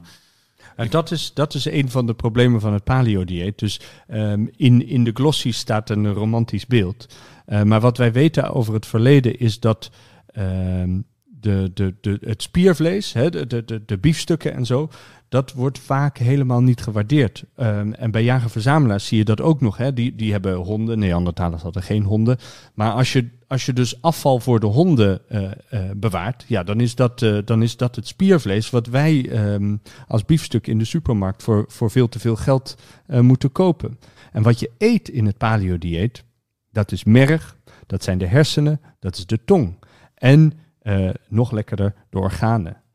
En het gaat dus, het gaat dus allemaal om vet. En zo min mogelijk eiwitten. Want die eiwitten, dat kost maar, dat kost maar energie om, om te verteren. En die wil je helemaal niet hebben. En in, in de huidige glossies gaat het, gaat het heel weinig over hersenen. Het, dat bevreemdt me. En, uh, heel, heel raar. Ja, iemand moet daar wat aan ja, doen. Ja. Uh, wil nog wel eens de revue passeren. hij was een Amerikaan die zichzelf uh, de Liver King noemde. Want hij zich grote hompen orgaanvlees opat. Maar dus inderdaad, je moet veel meer denken in termen van orgaanvlees. In termen van inderdaad hersenen, tong... En dus dat hele smerige, drillende beenmerg. Ja, je ziet het bij, bij carnivoren en aaseters, eh, bijvoorbeeld in Afrika ook, als daar droogte is. Uh, en ze vangen een prooidier of ze vinden een karkas. Uh, dan uh, richten ze zich ook primair op de ingewanden en op de hersenen. Omdat die prooidieren die zijn zo vermagerd dat, de, dat er zo weinig voedingsstoffen in het spiervlees zitten dat het eigenlijk meer energie kost om dat te verteren dan dat het oplevert. Dat is natuurlijk geen bewuste redenering van zo'n leeuw of een hyena, maar uh, dus ook zij gaan dan op zoek naar waar de meeste calorieën in zitten. En niet naar dat magere lapje. Ja, en zo kijk je het. Het is natuurlijk heel begrijpelijk dat je die blik hebt als je er gewoon van moet, je moet van leven. Dat, uh, ja, ja. Ja, ja, ja, ja, Maar het is grappig om te horen dat juist inderdaad dus de biefstuk eigenlijk op... En je, en je, je schrijven zelfs... Ja, ik weet nog wel dat ik bij antropologie altijd kreeg... Van Levi Strauss kreeg je dan de categorieën rauw en gekookt. En dan gekookt zou voor cultuur staan en rauw voor daarvoor. Maar ik las ook iets over fer, fermentatie. Mensen zeggen wel eens dat is een soort derde categorie... die Levi Strauss nooit heeft besproken. Maar dat er ook sporen zijn van dat er gefermenteerd uh, of in ieder geval rottend vlees. Ook ja, dat, dat, is vooral gebaseerd op, uh, op antropologisch onderzoek, waaruit blijkt dat jager-verzamelaars aan de polen, maar ook in de tropen, eigenlijk nauwelijks koken.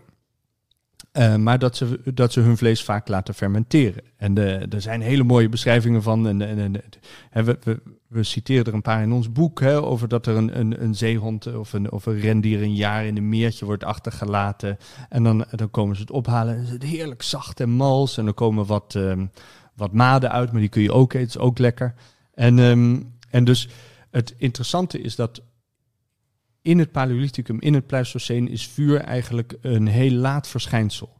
Dus dat zien we pas, nou, hoogstens de laatste drie, 400.000 jaar van onze geschiedenis.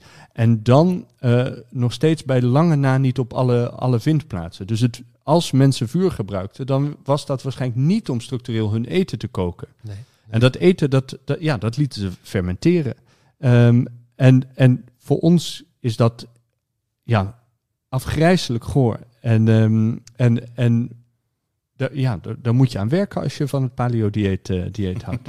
Ja, je hebt natuurlijk wel, je hebt bepaalde culturen waarin natuurlijk wel, ik weet dat jullie beschrijft dat volgens mij ook. Je hebt inderdaad die hele smerige gefermenteerde haring die, uh, die je ook niet in vliegtuigen mag openen en dat soort dingen. Ja, Zo, omdat, het zo, uh, omdat het zo verschrikkelijk is. En onze haring is natuurlijk ook wel, nou ja, ook wij hebben wel, of de kimchi bijvoorbeeld mm. in, in, in Korea. Zuurkool is natuurlijk ook een goed voorbeeld. Ja, ja, dus ook wij kennen wel vormen van, van fermentatie nog. Maar dus dat is mogelijk inderdaad, dus het koken veel meer, dus inderdaad is gebaseerd geweest op, op ofwel rauwconsumptie of... Terwijl ik kan me toch ook wel voorstellen dat jullie beschrijven ook bijvoorbeeld dat er heel veel vindplaatsen toch ook zelfs zijn van bepaalde noten, eikels, uh, hazelnoten. Nou, bij hazelnoten heb je dat niet zozeer, maar bij eikels moet je, kan je bijvoorbeeld niet zo, die moet je wel ook echt bereiden. Ja, ja dus, dus een deel kun je daarbij oplossen met, uh, met malen, hè, een poedertje, een meel van maken. En, uh, maar als je gaat koken, dan is, dan is het logischer dat je dat met plantaardig voedsel doet dan met dierlijk voedsel. Ja, ja. Ja, want ja, tenminste, ja, het is natuurlijk inderdaad, eh, begrijp maar. En en, en uh, het voordeel is dat jagerverzamelaars hun vlees niet uit de bio-industrie betrekken, hè, waarbij beesten onder afgrijzelijke omstandigheden gehouden en geslacht worden, uh, waardoor, waardoor hè, veel van de, van de besmettingen, uh, de, de E. coli-bacterie, dat betekent dat het vlees met poep in, in, in, in aanraking is geweest. Dat gebeurt niet als je, als je een jager-verzamelaar bent. Hè, dat gebeurt alleen maar omdat onze slachthuizen onmenselijk zijn. Ja. Dus je hebt, dus je hebt minder hygiëneproblemen. Ik zou nog steeds ook, ook niet nu zelf je kippen gaan slachten en die rauw eten. Dat, dat, don't try this at home. Er is wel iets voor te zeggen. Dat, dat, dat, dat, dat wij geen rauw vlees, rauw vlees consumeren heeft natuurlijk voor een heel groot deel ook te maken met die, met die, ook wel met die bio-industrie inderdaad. En er is ook wel één dier wat toch eigenlijk de dans ontspringt als het gaat om eten en, en gegeten eh, worden. Die ook zelfs een belangrijke rol gaat spelen in, in de jacht. En dat is de hond die toch niet onbelangrijk is in die, in die, in die menselijke evolutie. Ja, die waren we zelfs bijna in het boek vergeten. Ja. Was, we, hadden volgens mij waren we dan aardig eindje op streek toen ik Gerrit appte, we zijn de hond vergeten. Ik ben meer een kattenmens. Toen ik me, ja, ik ook zelf trouwens. Ja. ja, ik heb een hond, dat maakt het veel erger. Maar uh, dus die hebben we er uiteindelijk wel nog ingeschreven. Maar eigenlijk terecht, uh, niet omdat ik een hondenmens ben, maar goed, het is het, het allereerste dier wat gedo verleidelijk om te zeggen wat door mensen is gedomesticeerd, maar dat is nog maar de vraag. Waar, ik ja, waar een symbiose is ontstaan. Precies, het is het allereerste dier wat in ieder geval een, uh, even los van parasieten, uh, wat een symbiotische relatie met de mens is aangegaan. En, en al op een relatief vroeg tijdstip. Uh, de alleroudste archeologische aanwijzingen zeggen iets van 13.000 jaar geleden, wat relatief laat is. Mm -hmm. er is wat, zijn wat genetische aanwijzingen die zeggen dat ik geloof dat we in het boek zeggen rond 20.000 jaar geleden. Uh, en ik heb een, een boek over, uh, en dat gaat dan niet over honden, maar over het geslacht Canis. Mm -hmm. Waarin ze zeggen dat het 45.000 jaar geleden is. Maar het zou kunnen dat zij het over de hond van Goyer hebben. Uh, daar kom ik zo nog wel even op terug. Weer een vindplaats in België. Weer een vindplaats in België. Ja, maar goed, honden, het idee nu, het meest voor de hand liggende, is, is, is dat, we, dat we elkaar zeg maar, gedomesticeerd hebben. In de zin uh, dat wij in, in, in het Pleistocene in ieder geval als hoogmobiele jager-verzamelaars eigenlijk een beetje om dezelfde niche aan het concurreren waren. Uh, Wolven zijn sociale predatoren, uh, intelligent, dat zijn wij ook. Vangen ook een beetje vergelijkbaar wild inderdaad, een beetje dat middenwild toch? Vergelijkbare ja. prooidieren inderdaad. Uh, en normaal zou je dan inderdaad, hè, zoals dat werkt in de biologie, als twee soorten om een niche concurreren, dan moet er eentje wijken. Mm -hmm. ja, hier is er wat anders gebeurd. Dat is op zich ook al heel interessant. Ja. Hier zijn ze op een gegeven moment gaan samenwerken. En hoe dat proces gegaan is, dat schetsen we in het boek. Proberen we te schetsen, want dat is niet echt bekend. Nee, maar nee. Uh, het is duidelijk dat er op een gegeven moment uh, dat ze ervoor gekozen hebben om bij elkaar te blijven. Want ik denk dat dat in ieder geval toen twee richtingsverkeer is geweest. Ja, waardoor je dus ook inderdaad, grappig genoeg inderdaad ook spreekt inderdaad van eigenlijk een wederzijdse evolutie. Ja, dat... Dus niet inderdaad alleen een uh, domesticeren, denk je toch inderdaad al ster sterker aan een eenrichtingsverkeer. Ja. waarbij je een soort domesticaat hebt dat dan uiteindelijk jouw, jouw grillen opvolgt en zo. Maar dat het dus veel meer ook iets is wat dus alle twee eigenlijk treft. Ik vermoed dat dat in oorsprong zo gegaan moet zijn. Al is het maar om, hoe, hoe zou, waarom zou je op het idee komen uh, om, om een wolf te gaan domesticeren op een moment dat je die, dat die aanzet van die symbiotische relatie er helemaal niet is. Wolven zijn bloedgevaarlijk. Ja, nee, het zeker. Uh, daar ga je niet met een halsbandje op aflopen. Uh, en dat je die erom gooit en nee. nu heb ik je. Dus ik, uiteindelijk is dat natuurlijk wel op een veel eenzijdiger domesticatie uitgelopen. In de zin dat we nu al die verschillende hondenrassen hebben en zo. Dat is het punt. Tuurlijk waarop honden zeg maar niet meer zoveel keuze hebben. Uh, maar ik vermoed dat dat in het begin wel zo is. Dus ik denk ook het moment waarop je niet meer over een wolf praat, maar over een hond. Mm Dat is heel moeilijk aan te wijzen. En, en je ziet wel in de archeologie dat mensen dan naar, dat je dan naar de schedel, vooral naar de schedel kijkt.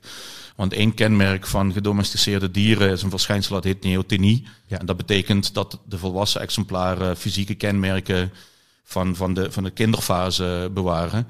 En, en bij honden is dat dat ze een kortere snuit hebben over het algemeen dan wolven. En dat de stop, dat is zeg maar dat gedeelte tussen je ogen, dat, oh dat die hoek minder scherp is.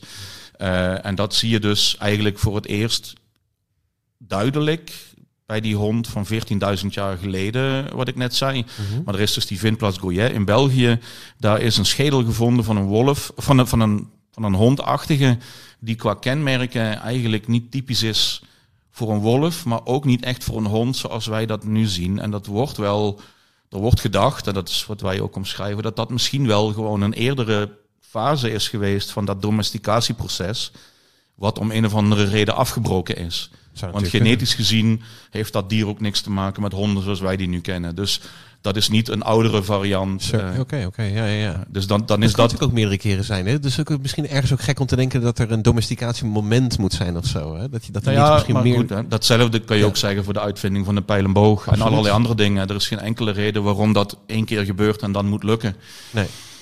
Nee, want jullie beschrijven ook, en we hebben toevallig een keer ook in, in eh, Leiden hebben we ook Lee Dugetkin gehad. Die heeft een boek geschreven over het, uh, het fokken van zilvervosjes. Een groot zilvervos-experiment dat in Rusland heeft plaatsgevonden. Hoe, waar ze ook lieten zien in eigenlijk met relatief eenvoudige middelen. Volgens mij was het alleen maar dat ze controleerden op agressie. Hoe agressief was de pup in benadering van de trainer. En daarop selecteerden. En dat ze echt binnen een aantal generaties eigenlijk al enorme... Um, ja, enorme resultaten daarmee behaalden. En allemaal, net als ook die neotenie die jij beschrijft, maar ook andere uh, kwaliteiten die gedomesticeerde dieren vaak deden met elkaar, dat ze die al lieten, ja. lieten zien.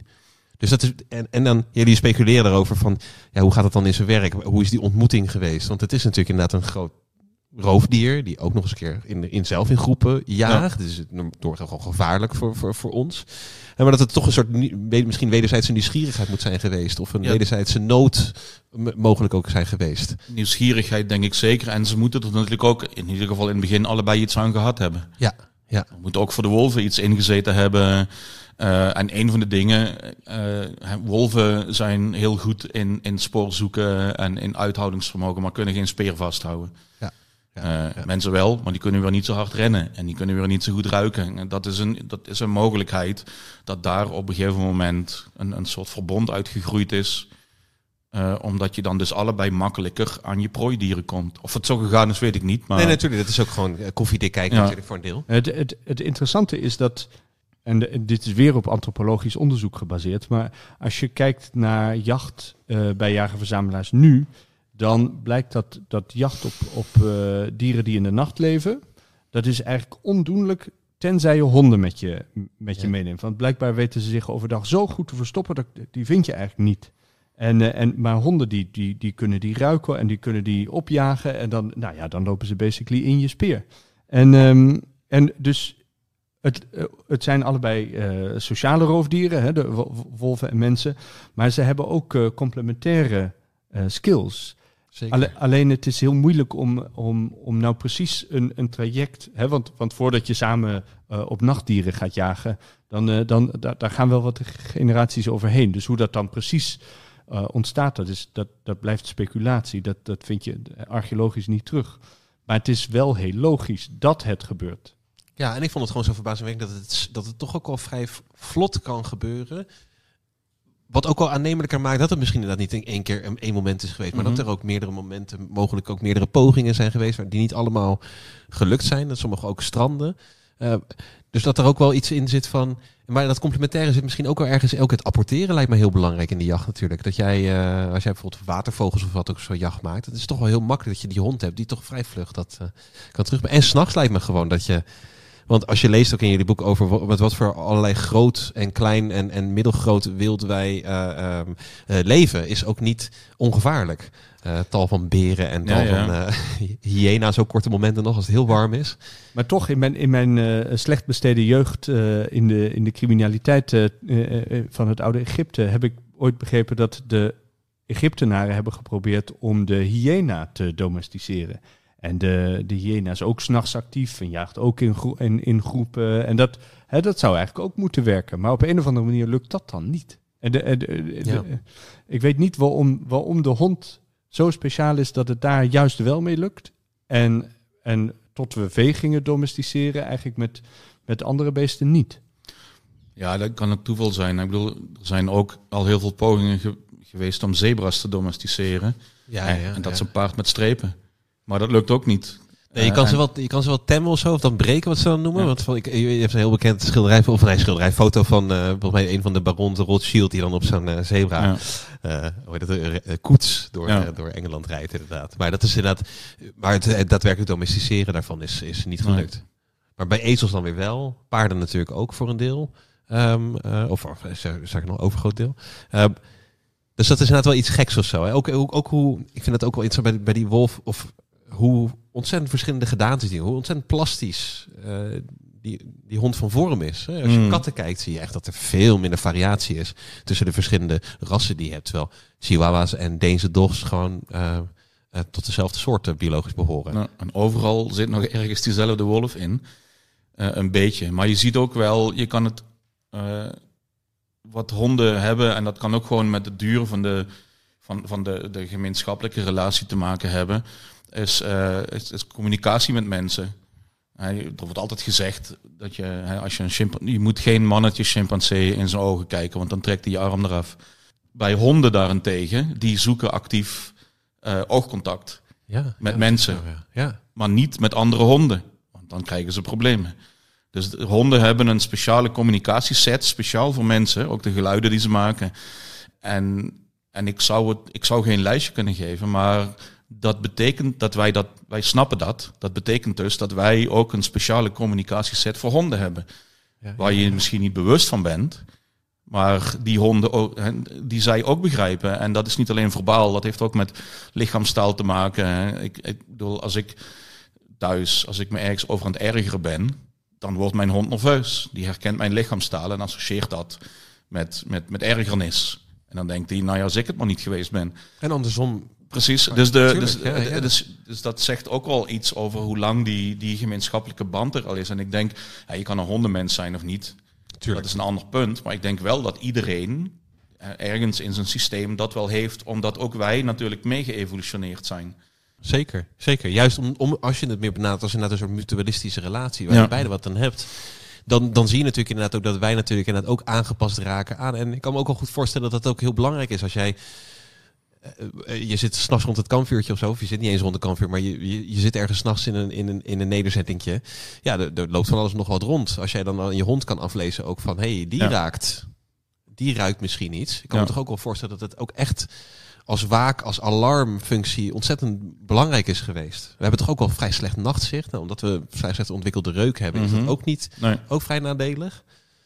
En, en in dat Pleistocene Europa, waar je dan uh, honden, honden bij je hebt, daar lopen ook nog steeds leeuwen rond en hyena's en uh, verschillende soorten beren. Een vegetarische beer.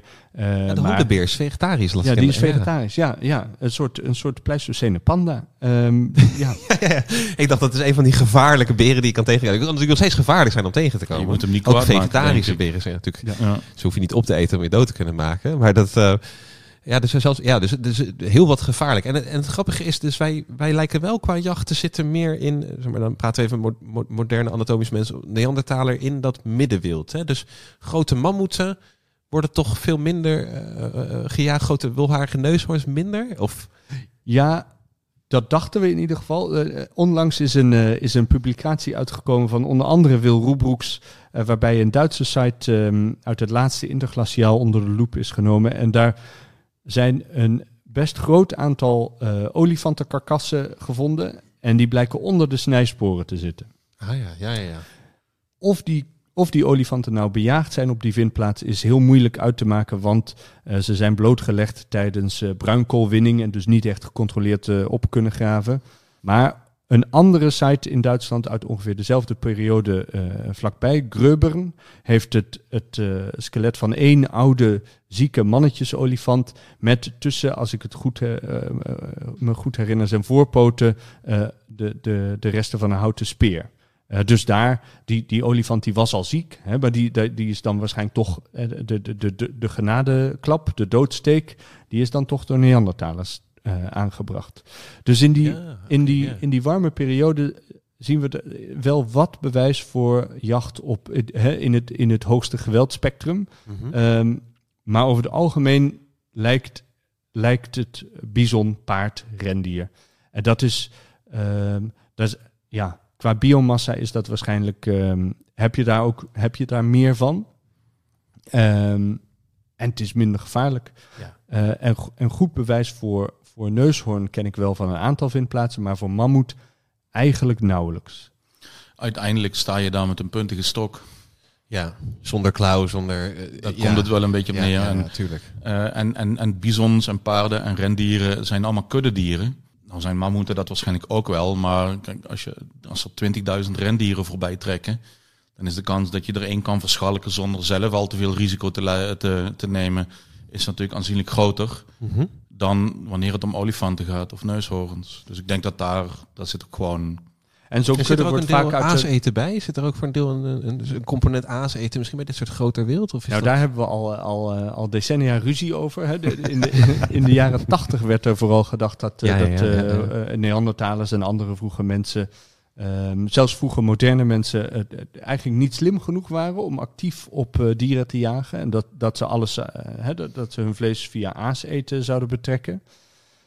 Ondertussen blijkt dat ecologisch gezien heel moeilijk. A is, A is aas eten geen hele goede keuze, omdat je dan in plaats van een stok in een, in, een, in een rendier moet prikken, moet je concurreren met leeuwen en hyena's, die ook veel aas eten. Tuurlijk, ja. ja. En, um, en dat is niet zo prettig. Um, daarnaast um, die karkassen, als je kijkt uh, op, op de Serengeti of hè, op de savanne in Afrika, die karkassen zijn vaak maar heel kort beschikbaar. Binnen no time zitten daar allemaal aaseters op. En, dan, en hè, mensen zouden dan alleen met stenen werktuigen de, de, het merg uit de botten kunnen exporteren. Uh, maar hyena's die kunnen die botten gewoon open, openbreken met hun kaken. Dus ook niet altijd. Dus er is, er is via aaseten weinig te halen. Eén uitzondering zijn dan dikhuiden het, uh, olifanten, neushoorns, um, in interglaciale nijlpaarden in de Rijn. En dus ik hou er wel rekening mee dat een deel van de, van de consumptie van die, van die allergrootste beesten, dat dat via aaseten uh, gebeurd zal zijn. Net als uh, walvissen. Als je een aangespoelde walvis vindt, Tuurlijk, ja. dan, dan, dan zul je die ook gewoon exporteren. Ja, ik zag ook inderdaad, er zijn zelfs wat, wat kunstwer, kunstvoorwerpen en zo ook gemaakt van uh, baleinen. Uh, ja, ook, dus ook, excuus, ook, van walvissen ja. werden wel eens, werden wel eens hè, die, kwam men wel eens tegen en er werd gebruik van gemaakt. Ja. Maar ja, dus, dus voor, zeker voor die olifanten is aas eten absoluut een optie. En ja. die, niet altijd, in ieder geval dat beest in Gröbern is waarschijnlijk um, wel door mensen afgemaakt. Maar ja. Ja, ja, ja. En, en daar, verschil jij van mening over? Of zijn die het daar nee, nee, daar over eens? ben ik het wel mee eens. Ik, je moet ervan uit, die mensen, hoe zeg je dat? Rondtrekkende mensen zijn opportunistisch. Ja. Dus als er iets aandient Tuurlijk. wat je zonder al te veel risico kan, uh, tot nut kan maken, dan doen ze dat gewoon.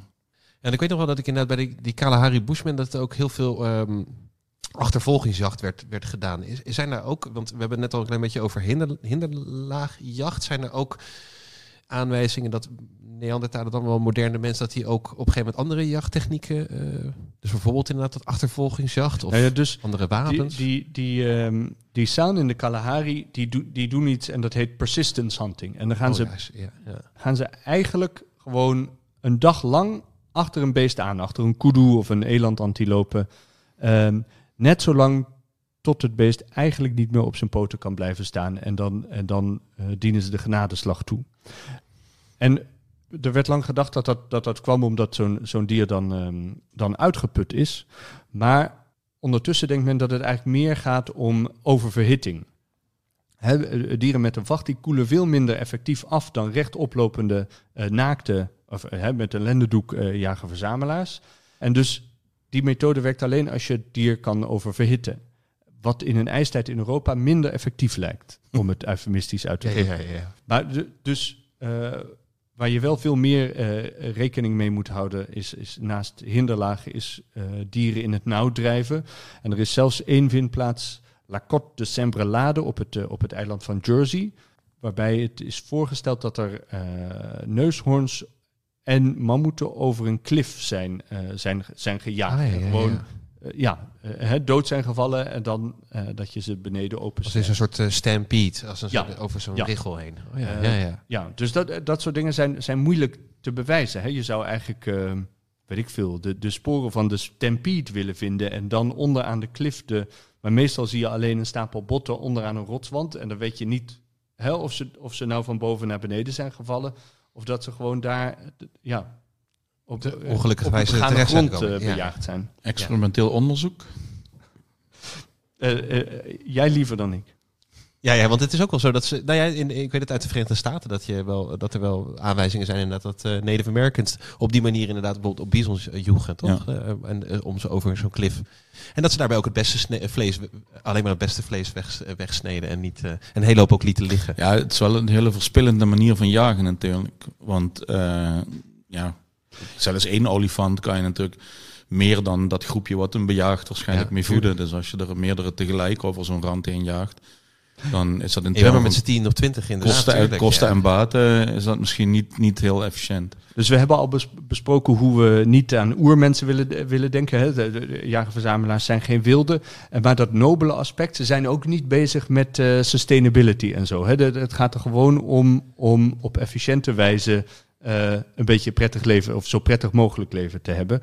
En als je daar een, een kudde bizons over een klif moet jagen om er eentje te slachten, ja, dat is pech voor die andere honderd. Ja, ja, ja, precies. Ja, dus ook die beeld, dat beeld moeten we ook vanaf van de oertijd als inderdaad een soort rondlopende nobele, nobele wilde. Ja, ja, zeker.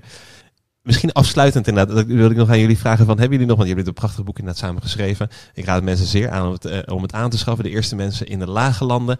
Is er een, een nieuw project wat jullie met z'n tweeën willen gaan aanpakken? Nou ja, we beloven in dit boek om een nieuw boek te gaan schrijven om de tekortkomingen in de Dragendorf-typologie van Romeins aardewerk aan de kaak te gaan stellen.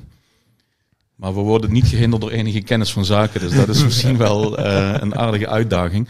Ik weet niet of we een project hebben, maar van mijn kant, ik vond dit heel leuk om te doen. Dus ik zou zo nog wel een boek uh, we hebben, schrijven. We hebben ooit bij Gin and Tonic gespeculeerd over een geschiedenis van het genus Homo. Dus over onze eigen, hè, over onze eigen soort, Geslacht, maar dan eh, niet gehinderd door een geografisch kader. Oh ja, ja, dat is ook natuurlijk ook wel eens interessant. Omdat je ook zegt van er zijn nu inmiddels, wat was het, 20, 25 verschillende uh, um, mensensoorten. Ja, er zijn er heel veel. En de, hè, dus uh, we, we, laten nu bijvoorbeeld een deel van het Aziatische en het Afrikaanse bewijs links liggen. Want ja, het moet toch over de lage landen gaan. Maar de lage landen zijn eigenlijk de periferie van ontwikkelingen die vaak elders ter wereld plaatsvinden.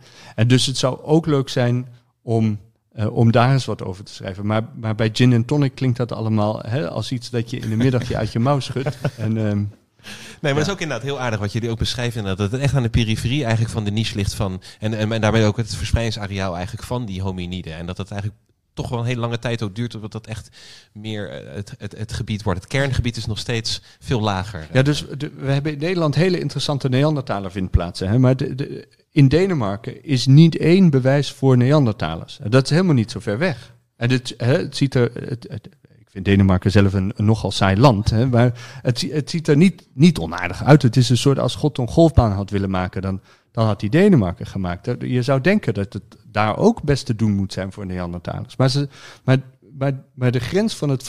We, we zitten echt aan de absolute grens van het, voor zover we dat nu begrijpen, verspreidingsgebied van die Neandertalers. Maar je, het is niet nog misschien nog een laatste. Maar dat is, heeft dat ook niet ergens ook te maken met juist die ijstijden? Dat je ook zegt van er komt natuurlijk op een gegeven moment ook al in een bepaalde periode heel veel landijs. Dat het als het ware als een soort ploeg ook gewoon heel veel van dat soort mogelijke vindplaatsen überhaupt heeft uh, weg. Uh, nou ja, voor, voor Noord-Nederland geldt dat zeker voor vindplaatsen van voor de Zalen-ijstijd. Dat is de, de voorlaatste. Ja. Want toen in, in die tijd heeft landijs, zeg maar, tot ja, de Veluwe nu en de Utrechtse Heuvelrug, mhm. dat is de zeg maar, de eindmorene van die, van die gletsjers. Uh, dus alles wat, wat aan archeologie in Noord-Nederland is gebeurd, kun je nu uit die eindmorene halen, op een hoop geschoven. Dus, uh, en, en daar komen vondsten uit. Uit de stuwallen bij Renen, daar zitten grindgroeves in en zo. Daar komen vuistbijlen en andere ah, ja, uh, artefacten uit. Dus we weten, of we gaan er eigenlijk vanuit, dat die dus afkomstig zijn uit Noord-Nederland. Uit een periode van voor die Sale-ijstijd. Dan heb je ook een interglaciaal en daarvoor heb je weer een ijstijd. Dus dat is een indirecte aanwijzing. Maar, en dat is wel een probleem voor Denemarken, hè? want daar is het ijstijd nog één keer vaker uh, dan, dan in Nederland, dan in Noord-Nederland overheen geweest. Ja, nou. ja precies. Nou, ik, ik, ik wil jullie hartelijk bedanken voor dit hele fijne gesprek. En ook uh, de luisteraars thuis bedankt. En tot de volgende keer. Dankjewel.